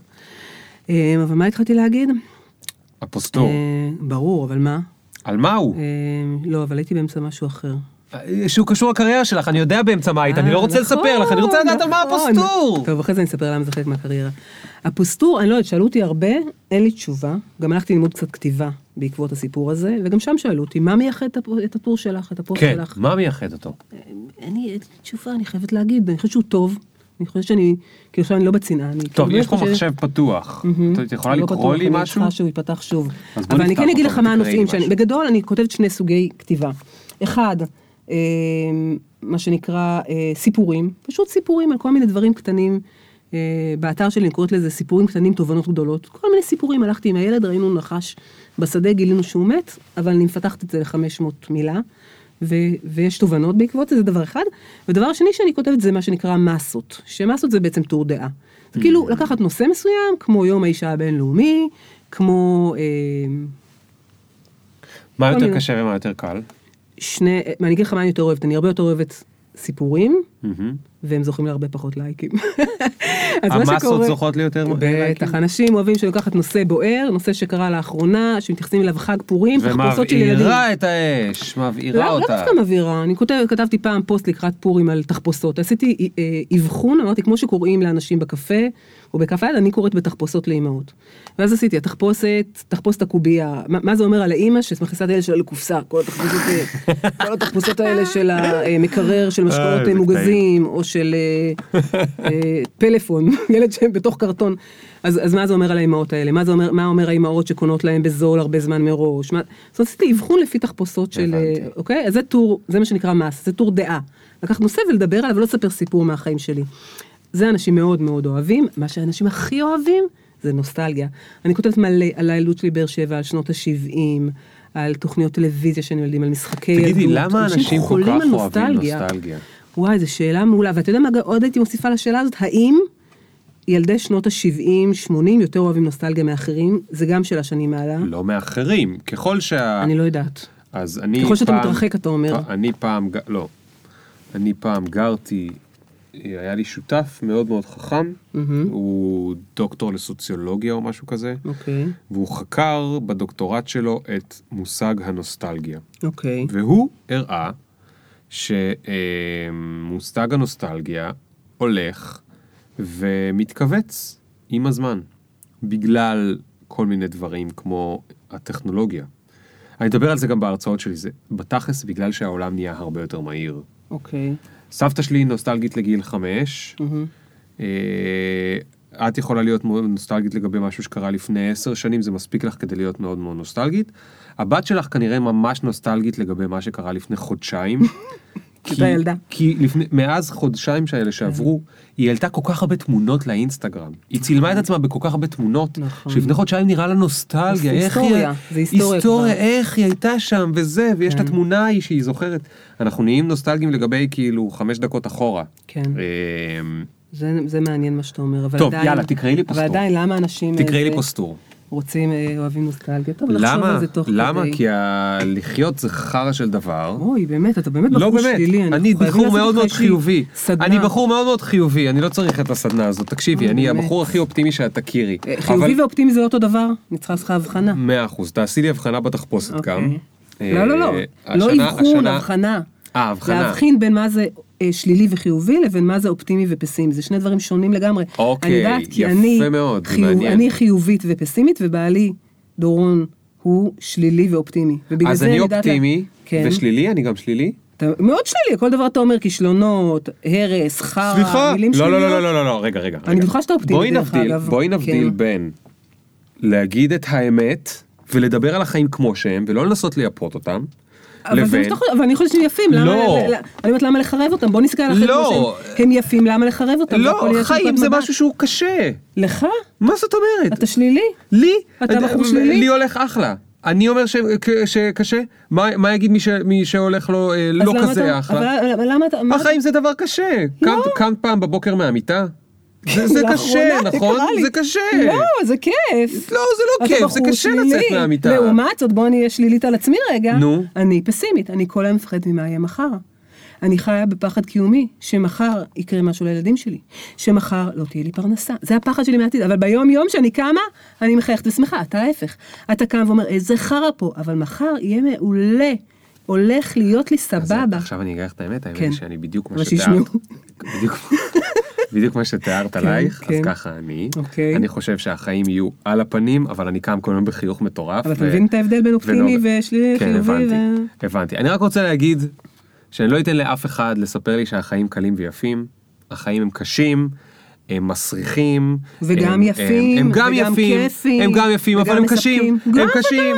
את, את אה, גידלת את הילדים שלך, ו- וזה, ו- ו- ו- וזה- יופי לי, זה והם אוהבים יופי אותי. לך והם אוהבים אותך, אבל זה גם קשה לגדל את נחת. הילדים נכון. האלה, נכון? אבל ו- יותר- ועוד מעט יש את הדור השלישי שאת תצטרכי לטפל בו, ואתה מעביר, את ה- או שאתה מטפל בהם, או שאתה מטפל בהם, או שמישהו עכשיו נדפק והוא צריך לטפל בך, ו- ובנוסף לכל זה כאילו, אבל יש... עדיין תעשה טבלת, זה אני מאוד אוהבת, זה כלי שאני תמיד נותנת לילדים שלי ולאנשים שאני מייעץ להם וכולי, תעשה טבלת חיובי ושלילי, יהיה לך הרבה, יהיה לך מלא שלילים, סבבה? כן. מלא דברים קשים בחיים, יהיו לך כן. הרבה יותר דברים טובים, כי אני מאמינה שאם היה כאן יותר רע מטוב, זה לא היה קורה.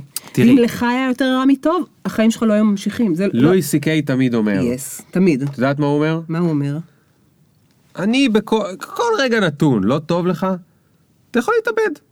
נכון? הוא תמיד אומר, נכון. עצם זה שאתה עדיין חי, זה פשוט כי עוד עדיין לא יכלה להתאבד. וגם אולי כי בטבלת החיובי שלילי שלך יש לו יותר חיובי למרות שלא מסתכל עליו. כי אנחנו אוהבים bad news, לא fake news, bad news. אנחנו אוהבים חדשות רעות, אנחנו מסתכלים כל הזמן על דברים הרעים. אבל באמת, תעשה היום לפני השנה טבלה, ועשיתי עוד תקופות שעשיתי את זה לעצמי כדי להוכיח לעצמי. טבלה של כמה דברים רעים קרו לי היום וכמה טובים, יש בגדול יותר טובים. אני מסכים, אני שמחה. אני מסכים. פוסט-טור. יאללה, פוסטור. מה בא לך יותר על, אני לקחתי שני, אני, שניים שקשורים לעבודה, הרוב לא קשורים אצלי לעבודה, אני חייבת להגיד שאני לא כותבת, גם לא כשהייתי במכללה. לא, רגע, רגע, בואי נדבר עליהם.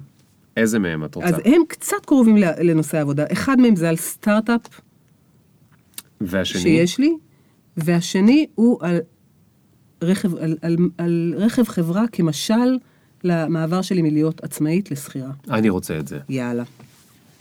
הרכב הראשון שלי היה טילון, שזה מין טוסטוס מסוג פיאג'ו, שהותנה בעזרת פדלים. היינו הוא ואני עולים בקושי את כל העלייה של בר אילן בדרך להר הצופים לבצלאל, ובלילה מתגלגלים חזרה לדירת הסטודנטים העליזה בנחלאות. אחר כך הייתה הפיאסטה המרוטה, איתה נסעתי בין החלאות לרחביה, לטלביה, כדי להוציא כל, את, כלבי, את כלבי ירושלים לטיולים. פעם נסענו איתה לסיני. אחר כך הפכנו משפחה עם פז'ו שלוש הדלתות, שבלי בושה לא התחשבה בצורך שלנו להכניס פנימה סלקל מיטלטל בו תינוקת רכה שמתעוררת מכל, רעש קטן. אחריה הגיע, הגיעו עוד פז'ו, הגיע עוד פז'ו, הפעם עם כל הדלתות הנחוצות, וגם עם אגזוז מפליץ בכל תרועה רמה, שעד לפני שבוע הודיע לכל תושבי השכונה שאני מתקרבת. ויש גם ג'יפ, לא יפני, קשוח ושרוט, כדי שכל ששת בני ובנות משפחת רוכב הראלי יוכלו לאכול קצת אבק לפחות פעם בשבועיים. כששאלה אותי מנכ- סמנכ"לית הכספים איזה צבע את רוצה, אפור, כסוף או לבן, זה היה ברור שהיא שואלת, איך את מגדירה את עצמך, אורי? משעממת, בנאלית או יבשושית? עניתי לה, קונפה. בטוחה? כן, כן, קונפה. עם פלולה חומה גדולה מימין לעין ימין. רק לא אפורה, רק לא לבנה, רק לא שקופה. לתקופת גישור עד שיגיע הרכב החדש שלך, תקבלי רכב חלופי, היא אמרה. היא צודקת, חשבתי. הרי לכל אחד יש תחליף. ביום הראשון עשיתי את כל מה ששמעתי שעושים עם אוטו מהעבודה. חניתי ברוורס לפי שמיעה. עליתי בתנופה על מדרכה וקיצרתי במעגלי תנועה. נסעתי לים במיוחד רק כדי לחזור בלי מגבת. אכלתי בורקס בלי מפית, אה, ולילדים פתחתי מאחורה דוריטוס חריף עם גבינה לבנה לטבילה, כדי שתהווה קונטרה לטעם הפיקנטי. נסעתי את כל השכונה ברוורס. ביום השני עם הרכב חברה יפני שהשתדל לאמץ אופי, לאמץ אופי אינדיבידואליסטי חבוט, יצאתי לנסיעת העבודה הראשונה שלי. עברתי דרך חנות המותג בקניון המותג הקרוב למקום מגוריי, ורכשתי גרדרובה חדשה וסולידית שתתאים לרכב החברה הממותג שלי. לקח לי 47 דקות למצוא את האוטו בחזרה, את האוטו כשחזרתי לחניון. איחרתי לפגישה. נהגתי כל הדרך סתם מבריקה וסתם נמוכה כמו, כל, כמו כולם על הכביש. בתחנת הדלק אף גבר מסוכס לא עצר לדבר איתי על נהיגת שטח עם הבלונדינית שעצרה לתדלק עם, תדלנק, עם דלקן חברה, אה, ולא עם הג'יפ היפני, עם דלקן חברה.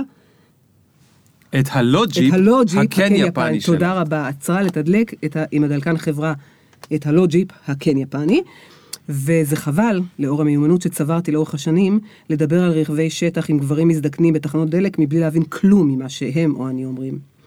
בדרך הביתה, דור דור שנוהג לעזוב את הכידון של האופנוע ולעשות תנועות לב באוויר בכל פעם שהוא עוקף אותי עם האופנוע, חלף ממש לצידי על כביש 40 ובכלל לא שם לב אליי. כעבור עשר דקות בבית, בפרצוף חמצמץ, אמרתי לו, עברת על כביש 40 ובכלל לא שמת לב אליי. יש עוד אלף כמוך, מר. תכלס, צדק. אפור, הודעתי לסמנכ"לית הכספים. בטוחה? כן, כן, אפור עניתי. הולך טוב עם כל צבע, מוסווה היטב מפני שוטרים וטורפים. צבע יפה. אני אורי ניר וינטר, ואני אפורה. ונכון שאתם אוהבים אותי? וואי, מה זה עשה מה לך? אמרת שאת פסימית או זה- שלילית? חיובית ופסימית. איפה, איפה, זה, איפה זה פגש אותך? איפה זה פגש אותך, איפה זה ליאור? פגש אותי? אני את לא, תראי, אני, זה לא חוכמה. אני, יותר מעניין אותי כאילו שמי שמקשיב יחשוב על איפה זה פגש אותו. אני זה לא חוכמה, אני ברחתי מהעולם הזה אני הרי. יודעת, אתה מסרת את מפתחות. אני הרכב מסרתי את רכ- אה, מפתחות רכב הליסינג באהבה גדולה, ויתרתי על החלום לעבור, ב...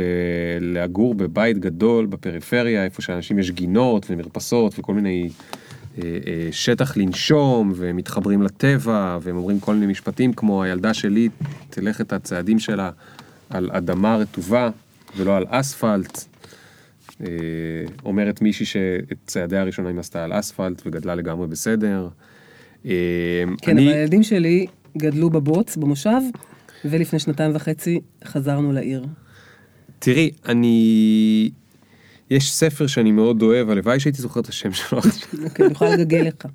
רק תגיד מה. לא, אבל את צריכה להיזכר בשם, אה, כי הם עשו ממנו אחר כך סרט. וזה ספר זה? מדהים, זה על משפחה אמריקאית בשנות ה-70 או ה-80. אוקיי. והוא מדבר שם על השקר הבורגני.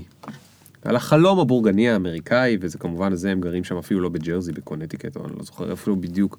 והבעל אה, אה, עובד בעבודה מאוד נחשבת, מין כזה מדמן, עובד בעיר הגדולה, אה, ו... אה, בסופו של דבר שם הם, יש שם הרבה מאוד אה, אה, אה, דברים שקורים, לא חשוב.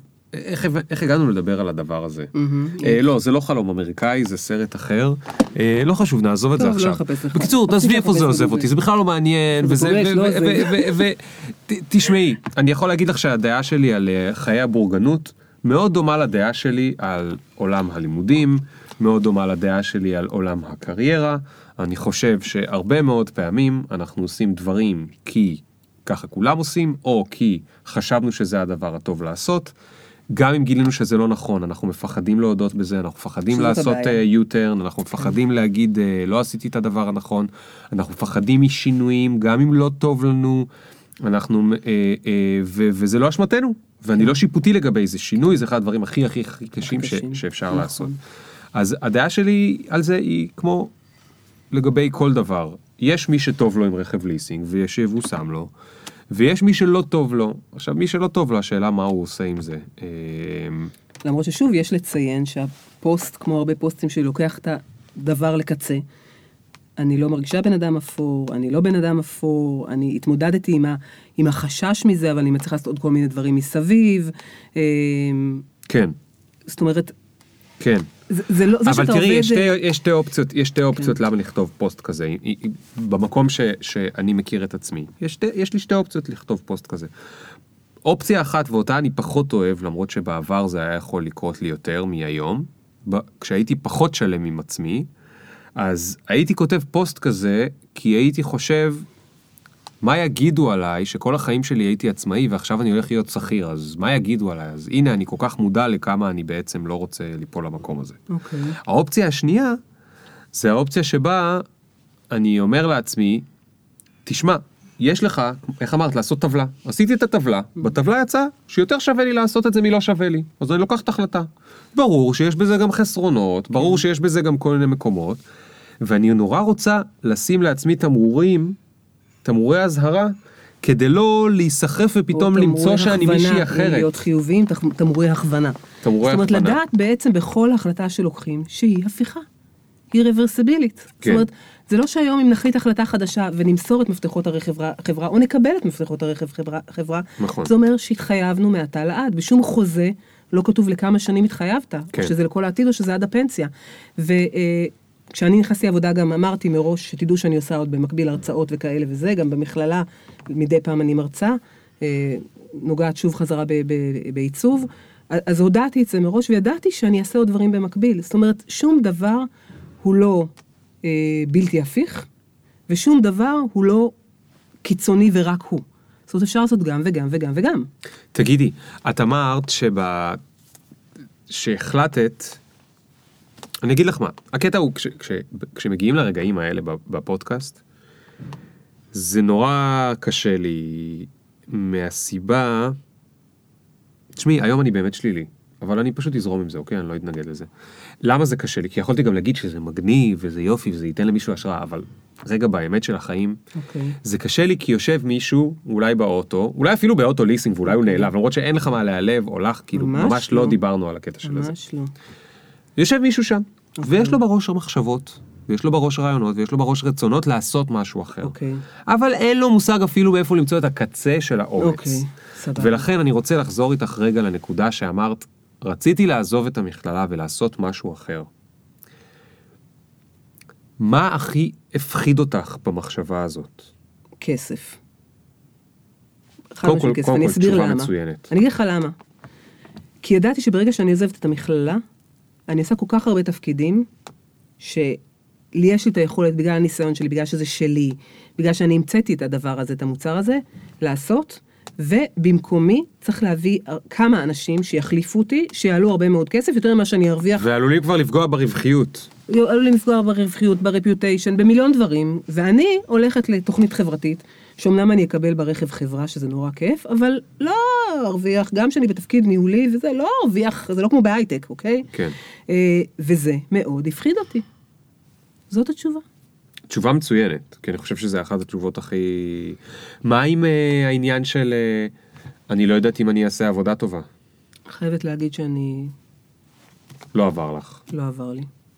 זה מגניב. זה מאוד מגניב. גם זה אולי קשור בגיל שעשית את זה, ו- וכבר לא היית בת אה, גם 26 בגיל או 27. וגם בעוד משהו, אני אגיד לך, בזה שאנשים צריכים להיות חיוביים, ולעשות לעצמם טבלה ולשאול את עצמם במה הם טובים, כן. אוקיי? אנשים לא צריכים ללכת עם מה שהם לא טובים בו. אם אני גיליתי יום אחד שאני טובה בכתיבה, אני מתעסקת היום בכתיבה, והתחלנו לדבר על למה זה קשור לקריירה, כי אני לא מרוויחה שם כסף, אני מרוויחה שם מלא דברים אחרים, כן. שהם אה, תועלות אה, רגשיות, וגם תועלות כלכליות אגב, וגם, אני יכולה לתת לך דוגמאות, כל מיני דברים שקיבלתי מהכתיבה הזאת. אני רוצה דוגמה. היום כתב לי מישהו שלמד איתי ביסודי, ולמעט שני מפגשים של חמש דקות שהיו לנו לאורך השנים, לא ראיתי אותו. הוא ברבות השנים הפך להיות סגן מנהל של אחד בתי, בתי החולים, הוא נהיה רופא, והפך להיות אחד ממנהל, סגן מנהל של אחד מבתי החולים הגדולים בארץ, והוא חבר שלי בפייסבוק. ולפני שבוע כתבתי פוסט על הבת שלי בת ה-15, על תהל, 15 וחצי, שכל החיים, שכולם הלכו לתנועות נוער ועשו וזה, היא אמרה, אני, כל מה שמעניין אותי זה להיות במד"א. אני אחכה להיות במד"א, ואני אעשה חמש יחידות מתמטיקה, כי כל מה שאני בחיים זה להיות רופאה. ילדה שבגיל ארבע הייתה רואה איתי תוכניות בערוץ שמונה, כשעוד היה לנו טלוויזיה, איך הם חותכים ומוותרים גופות אוי ואבוי, וניתוחים. אני עד היום לא אני רואה הייתי דברים ככה. הייתי עוצמת, כמו שאתה עושה עכשיו, שאנשים לא רואים, עוצמת את עיניי. והיא הייתה מסתכלת ומדברת על זה ומתעניינת וזה. זה מסוג האנשים שיום אחד שהם יעשו מה שהם רוצים, אבל אם הם יעשו רפואה, נגיד היא דיברה על זה בגיל ארבע, זה מדהים, היא ידעה שזה מה מטורף, שהיא רוצה. מטורף. בכל אופן כתבתי פוסט עליה, איך היא עשתה את כל הקורס של מד"א וחיכתה לזה כל החיים וסיימה את הקורס בהצלחה, והיא מתחילה להתנדב במד"א בקרוב. והיום כתב לי אה, אותו ילד שהייתי בכיתה, כתב, אני מזמין אותה למשמרת שלי, לא אותו ילד. שהוא סגן מנהל בית חולים. אמ, הוא אמר, אני מזמין אותה איתי למשמרת בתינוקייה, בכל יום חמישי שהיא רוצה, היא מוזמנת לבוא איתי. לא מהמם? מדהים. עכשיו, קרו כאן כמה דברים. א', רגע, הבת שכחת שלי... להסביר. מה, אה, לא כי הוא? קרא את הטור עליה. הוא קרא את הפוסט, הוא כתב לי בתוך אוקיי. פייסבוק, אין לו את אוקיי. הטלפון שלי, אנחנו, אין בינינו קשר. כן. אמ, הוא כתב לי פשוט הודעה בפייסבוק. אה, עכשיו, הרווחתי כאן מלא דברים. א', חידוש של קשר עם מישהו שלא הייתי בקשר איתו מלא זמן, שזה נורא כיף. מחמאה על זה, הוא לא, דרך אגב, אני כמעט בטוחה שהוא מאלה שלא עושים לי לייקים, כי יש מלא אנשים שקוראים ולא עושים לייקים. נכון. ומספרים לי אחרי זה... הרוב הגדול. כן, ואחרי זה הם מספרים לי בכל מיני הזדמנות שהם קראו והיה מקסים, אבל הם לא עשו לייק, אז לדעתי הוא לא עושה. אז שמחתי לשמוע שהוא בחור שהוא שווה ואני מעריכה אותו, ומשכמו ומעלה קורא את הפוסטים, פוסטים שלי, וכנראה שהוא נהנה אם הוא משקיע ומסיים 500-600 מילה.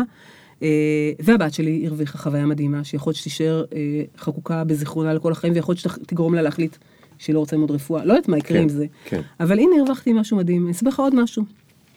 ב... ביום הולדת שלי כתבתי, האחרון, כל יום הולדת אני כותבת פוסט משמעותי, הזדמנות לסכם שנה ואת החיים בכלל, וכתבתי פוסט על, אה, על סיטואציה רפואית לא נעימה שקרתה לבת שלי הקטנה, היא נפצעה בטיול בחו"ל, סיטואציה מאוד לא נעימה, לא כיף, היינו צריכים להגיע לארץ מהר, לניתוח, דה דה דה דם. אה, והפוסט היה בעצם זה שהשנה אני לא רוצה מתנות. קיבלתי את הבת שלי בחזרה, לא רוצה מתנות, כתבתי לה, אני לא רוצה השנה תכשיטים, אני לא רוצה זה. כאילו עשיתי רשימה של כל מה שאני לא רוצה, קיבלתי את הבת שלי בחזרה. ובתוך הרשימה כתבתי, אני לא רוצה עיסוי, ואז בסוגריים, בעצם עיסוי בסדר. תוך שעה מישהי כתבה לי, אני רוצה את העיסוי מתנה ליום הולדת, ובאתי אליה וקיבלתי עיסוי. זאת אומרת, זה זה, ושוב, הכרתי מישהו ודיברנו והיה נחמד, כי אני נורא אוהבת להכיר גם אנשים, אבל גם אשכרה קיבלתי עיסוי מתנה ליום הולדת, כן. 200-300 שקל. בקיצור, מה שאני מנסה להגיד, זה שהפוסט הזה, מעבר ל... פוסטור. הפוסטור הזה, אה, מעבר, כאילו, הוא באמת, א', אני משקיעה בו הרבה מאוד זמן. אני משקיעה אני בו שומע. לפחות יום עבודה בשבוע, אני כותבת אותו לאורך כל השבוע עד שאני מפרסמת אותו ביום חמישי. וואו. למצוא image לוקח לי הרבה מאוד זמן, או לצלם אותו, או לחפש אותו, או למצוא כן. אותו.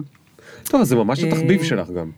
זה, זה תחביב, אבל אני חושבת שיש תחביבים, ש... כן, אבל אתה יודע מה, זו שאלה מעניינת. איפה תחביב וקריירה נפגשים, משיקים? לא? אני היום, כשאני מדבר על תחביבים, אני לגמרי מערבב את הדברים. הפודקאסט זה תחביב שלי, זה לא עבודה כן, שלי. סליחה, אני נכון. עובד אה, איזה זה 12 עיסוק שעות ביום בלי קשר.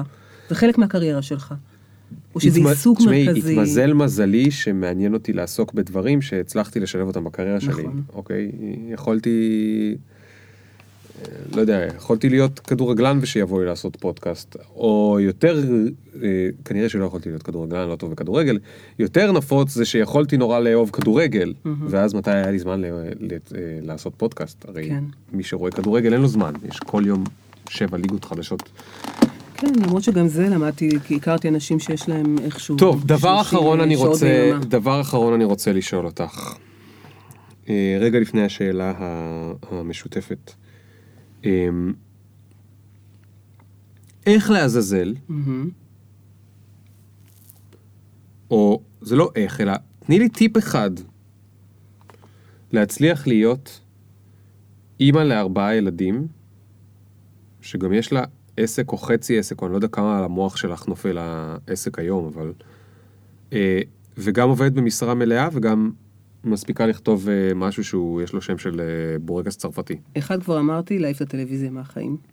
פשוט להעיף את הטלוויזיה. להעיף את הטלווזיה, דרך אגב, ואני מרגישה קצת לא נעים בפני כל חבריי שרואים סדרות מאוד איכותיות. טלוויזיה זה יותר מזה, זאת אומרת, זה, אני לא מתחילה אף סדרה. אני יודעת שאם אני אתחיל איזושהי סדרה טובה שכולם ממליצים, כולם מדברים, יש vibe, כולם מדברים על סדרות כל היום, ואני סותמת את אוזניי, זאת אומרת, אני לא מתחילה סדרה, אני יודעת שזה יגמור לי את הזמן. אז אין יותר, ואני הייתי מכורה לטלוויזיה.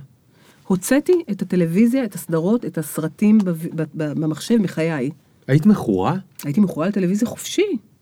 כשהייתי ילדה והיו שואלים אותי ואת אחותי המהממת יערה, מה אתן רוצות להיות שתהיו גדולות? היינו אמורות לראות טלוויזיה עם הילדים שלנו. זה היה השאיפה שלי. וואו. הייתי מכורה, הייתי כל ערב, הייתי משכיבה את הילדים מוקדם תמיד, כשהם היו קטנים, בשמונה ישנים תעזבו אותי, והייתי מתיישבת, אני זוכרת יאיר לפיד, תוכניות אירוח כאלה, סתם, זה כאילו, דורון קורא לזה עוד, עוד, רבים, טמבלוויזיה.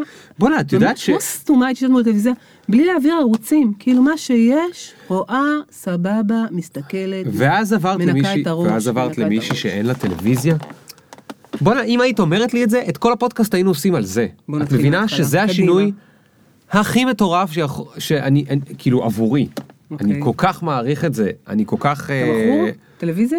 אני גם וגם. אוקיי. אני גם הייתי הרבה שנים בלי טלוויזיה, ולטענתי ככה הספקתי לעשות הרבה דברים נכון, מדהימים, כמו לעשות תואר שני תוך כדי. שאני בצבא קבע, עובד מלא שעות ביום. יש לי עוד טיפ דומה, כשאני חושבת על זה. לעשות פייסבוק רק בערב. לעשות פייסבוק רק כן. בערב. כן, להשאיר את הפייסבוק לערב. זה כן. משהו שלא החלטתי אותו. טלוויזיה, החלטתי. זה לא החלטתי, פשוט כשנהייתי בעבודה הנוכחית. אבל איך החלטת את הקטע עם הטלוויזיה? אה, איך זה קרה? זה תמיד סיפור שקורה משהו. היינו, כשגרנו במושב, עוד לפני שעברנו רחוב, גרנו במושב בית אלעזרי, וכל המושב היה מחובר לאיזה כבלים. אה, היו כבלים של האינטרנט, אז כולם הצליחו לראות עליהם טלוויזיה. אוקיי. ויום אחד היה גשם חזק ושלג ולא יודעת מה, וברקים ורעמים, וכל המושב, כל הכבלים האלה של כולם נסחפו בזרם, והיו צריכים לח- להתקשר לחברות הכבלים ולחדש, והחכמים לא חידשו. וואלה. איזה מושב? תות? בית לזרי, בית לזרי. בית אלעזרי. יש פה כל, כל פרק יש מישהו שמגיע וממציא מושב. לפני זה דיברתי עם לא. רונית כהן, היא המציאה מושב איזה? צופר. יש מושב כזה איפה זה? בערבה. בר... יפה! תבחן היא לא. המציאה. גם כבישים אתה יכול יואו, לבחון ואני אותי. העלבתי אותה, אמרתי לה שהיא. המציאה. אז איפה זה תות לזר? אין תות לזר, זה... בית לזרי, תות איפה זה? לזר זה בצרפת, איפה ש... כזה איפה אופים שעושים את פוסטורים. הפוסטורים. אה, טוב, אה, בית אה, אלעזרי זה ליד תל נוף, כולם מכירים ליד תל נוף. צומת תל נוף של הצבא, תל נוף, זה בית איפה אלעזרי. שהמטוסים. בית אלעזרי. אוקיי. אה, בית אל עזרי. אל עזרי. מדהים. אל ע... אני בסוף אלמד גיאוגרפיה בפודקאסט הזה. את רואה, לימדו אותי בבית ספר גיאוגרפיה, אני לא זוכר כלום. אה, שאלה אחרונה, מוכנה? נסה. טוב. את על מטוס סילון, נעשה לך את- את המטוס, נעשה לך, נעשה אותו מטוס סילון, אוקיי. שעובר לה- אה, אה, אה, לנחיתת חירום מדאיגה, מפחידה, ועם זאת רגועה, כי קיבלת אס.אם.אס שילדייך ובעלך מובטחים ובריאותם תובטח, וגם תשאירי להם מלא כסף. אז אל תדאגי להם, תחשבי על עצמך רגע. ומה אותו דבר שאת אומרת לעצמך בשתי דקות האחרונות של הנחיתה? איזה באסה שלא הספקתי לעשות. וואי, וואי, וואי, מה הספקת, לא הספקתי לעשות? זה יהיה משהו שקשור לכתיבה, אבל זה לא יהיה משהו, כאילו זה לא יהיה להוציא ספר, דווקא לא, אבל אני לא יודעת, משהו... אני מרגישה שאת הכתיבה זה דבר שרק התחלתי בחיי, והוא צריך להמריא, אם נשתמש, ב... נמשיך בדימויים מעולם התעופה, זה יהיה משהו עם כתיבה. אני רוצה, אני עוד לא יודעת מה, דיברתי מקודם על זה שכל החיים בהכל, אני מוקד מטר, מטרה, יעדים, משימות, ובכתיבה החלטתי כשהתחלתי עם זה, כשהבנתי שזה משהו שהולך להיות גדול ממני, כי זה באמת גדל. אה, שגדל מבחינתי זה שהרבה מאוד אנשים קוראים אותי ומפרגנים וכותבים לי הודעות אישיות וכאלה, אבל כשזה התחיל, אמרתי, אני פה לא קובעת לעצמי לא מטרה ולא יעד ולא משימה מלבד המשימה של לעלות כל יום חמישי. אני רוצה ששמה הרוח תיקח אותי. ואני עוד מחכה שהרוח תיקח אותי, אני בטוחה שהיא תיקח אותי למקום טוב ומעניין, אבל לא, לא לנחיתת חירום. ולא לנחיתת חירום. לנחיתת חירום זה, זה מה שאני אחשוב עליו, כי בשאר אני די, מדהים. די מבסוטה, אני חושבת. נחמד מאוד. כן. טוב, אז uh, תודה רבה לך. תודה לך. אורי בלי הטלוויזיה. כיף. הרקדנית בלי אה, הטלוויזיה. הרקד- אורי הרקדנית בלי הטלוויזיה, אמרו לי רקדנית, אמרו לי זה, אמרו לי הדבר הבא, אני לא הבנתי כלום, עכשיו אני הבנתי הכל. קצת. סתם, סתם. אה, טוב, חברים, אה, תודה רבה רבה שהייתם איתנו. בפרק הקודם, הזכר, הצלחתי לזכור בפעם הראשונה אחרי 70 ואני לא יודע כמה פרקים, להגיד את זה, והפעם אני אצליח ברציפות. פעם שנייה להגיד את אותו הדבר שהייתי צריך להגיד כל הפרקים והפעם לא זכרתי. אה, אם אתם משתמשים באיזושהי אפליקציה כדי לשמוע את פופקורן ולא ב SoundCloud עצמו, אנא תעשו subscribe או רייטינג או חמישה כוכבים או אני לא יודע מה האפליקציה שלכם נותנת לכם לעשות אה, כדי שהוא ידורג קצת יותר גבוה והסיבה היא שבאפליקציה החדשה שאני משתמשת בה שקוראים לה אה, רגע אני אגיד לכם כי היא חדשה קוראים לה Podcast Player טוב, שם מפגר קצת. בקיצור, הוא ממליץ לי על כל מיני, אה, לא, קוראים לה Castbox. אה, הוא ממליץ לי על כל מיני פודקאסטים, והוא המליץ לי לפני, ש... לפני, כשהוא ראה את האפליקציה והוא לא ידע מי אני, הוא המליץ לי על הפודקאסט שלי, ואז רק כדי לוודא, הלכתי לחבר שלי, שהוא לא אני, וגם שם ראיתי שהוא המליץ על הפודקאסט, ואז הבנתי שהוא עושה שם מין כזה אה, קרוסלה של המלצות. אז כדי להמשיך להיות בקרוסלה של ההמלצות, אני אשמח אם אתם תמליצו על הפודקאסט הזה. הרבה יותר חשוב מזה, אני אשמח אם אה, אה, תדברו על זה עם עצמכם, עם חבריכם, עם הבני זוג, אתם לא צריכים לבקש מהם אה, לשמוע את הפודקאסט, רק תדברו איתם על מה ששמעתם פה, כי לדבר על אה, דברים שאנחנו שומעים יכול לעזור הרבה הרבה הרבה יותר כדי לעכל אותם, וגם כדי שתוכלו להגיד את דעתכם, כי בעצם זה לא פייר שרק אנחנו פה, אני ואורי מדברים, ואתם לא יכולתם להגיב, אז אתם יכולים להגיד להם שמעתם וזה הכל שטויות. ואתם לא חושבים שום דבר, וחס וחלילה לזרוק את הטלוויזיה, ועדיף לראות ספורט ולא לעשות שטויות כמו לכתוב, ולעשות פוסט-דוקטורים בצרפת ולעשות פודקאסטים. אה, זה היה הביי ביי הארוך אי פעם, אה, אבל אתם יודעים, לפעמים יותר זה פחות. אז אה, ביי בינתיים.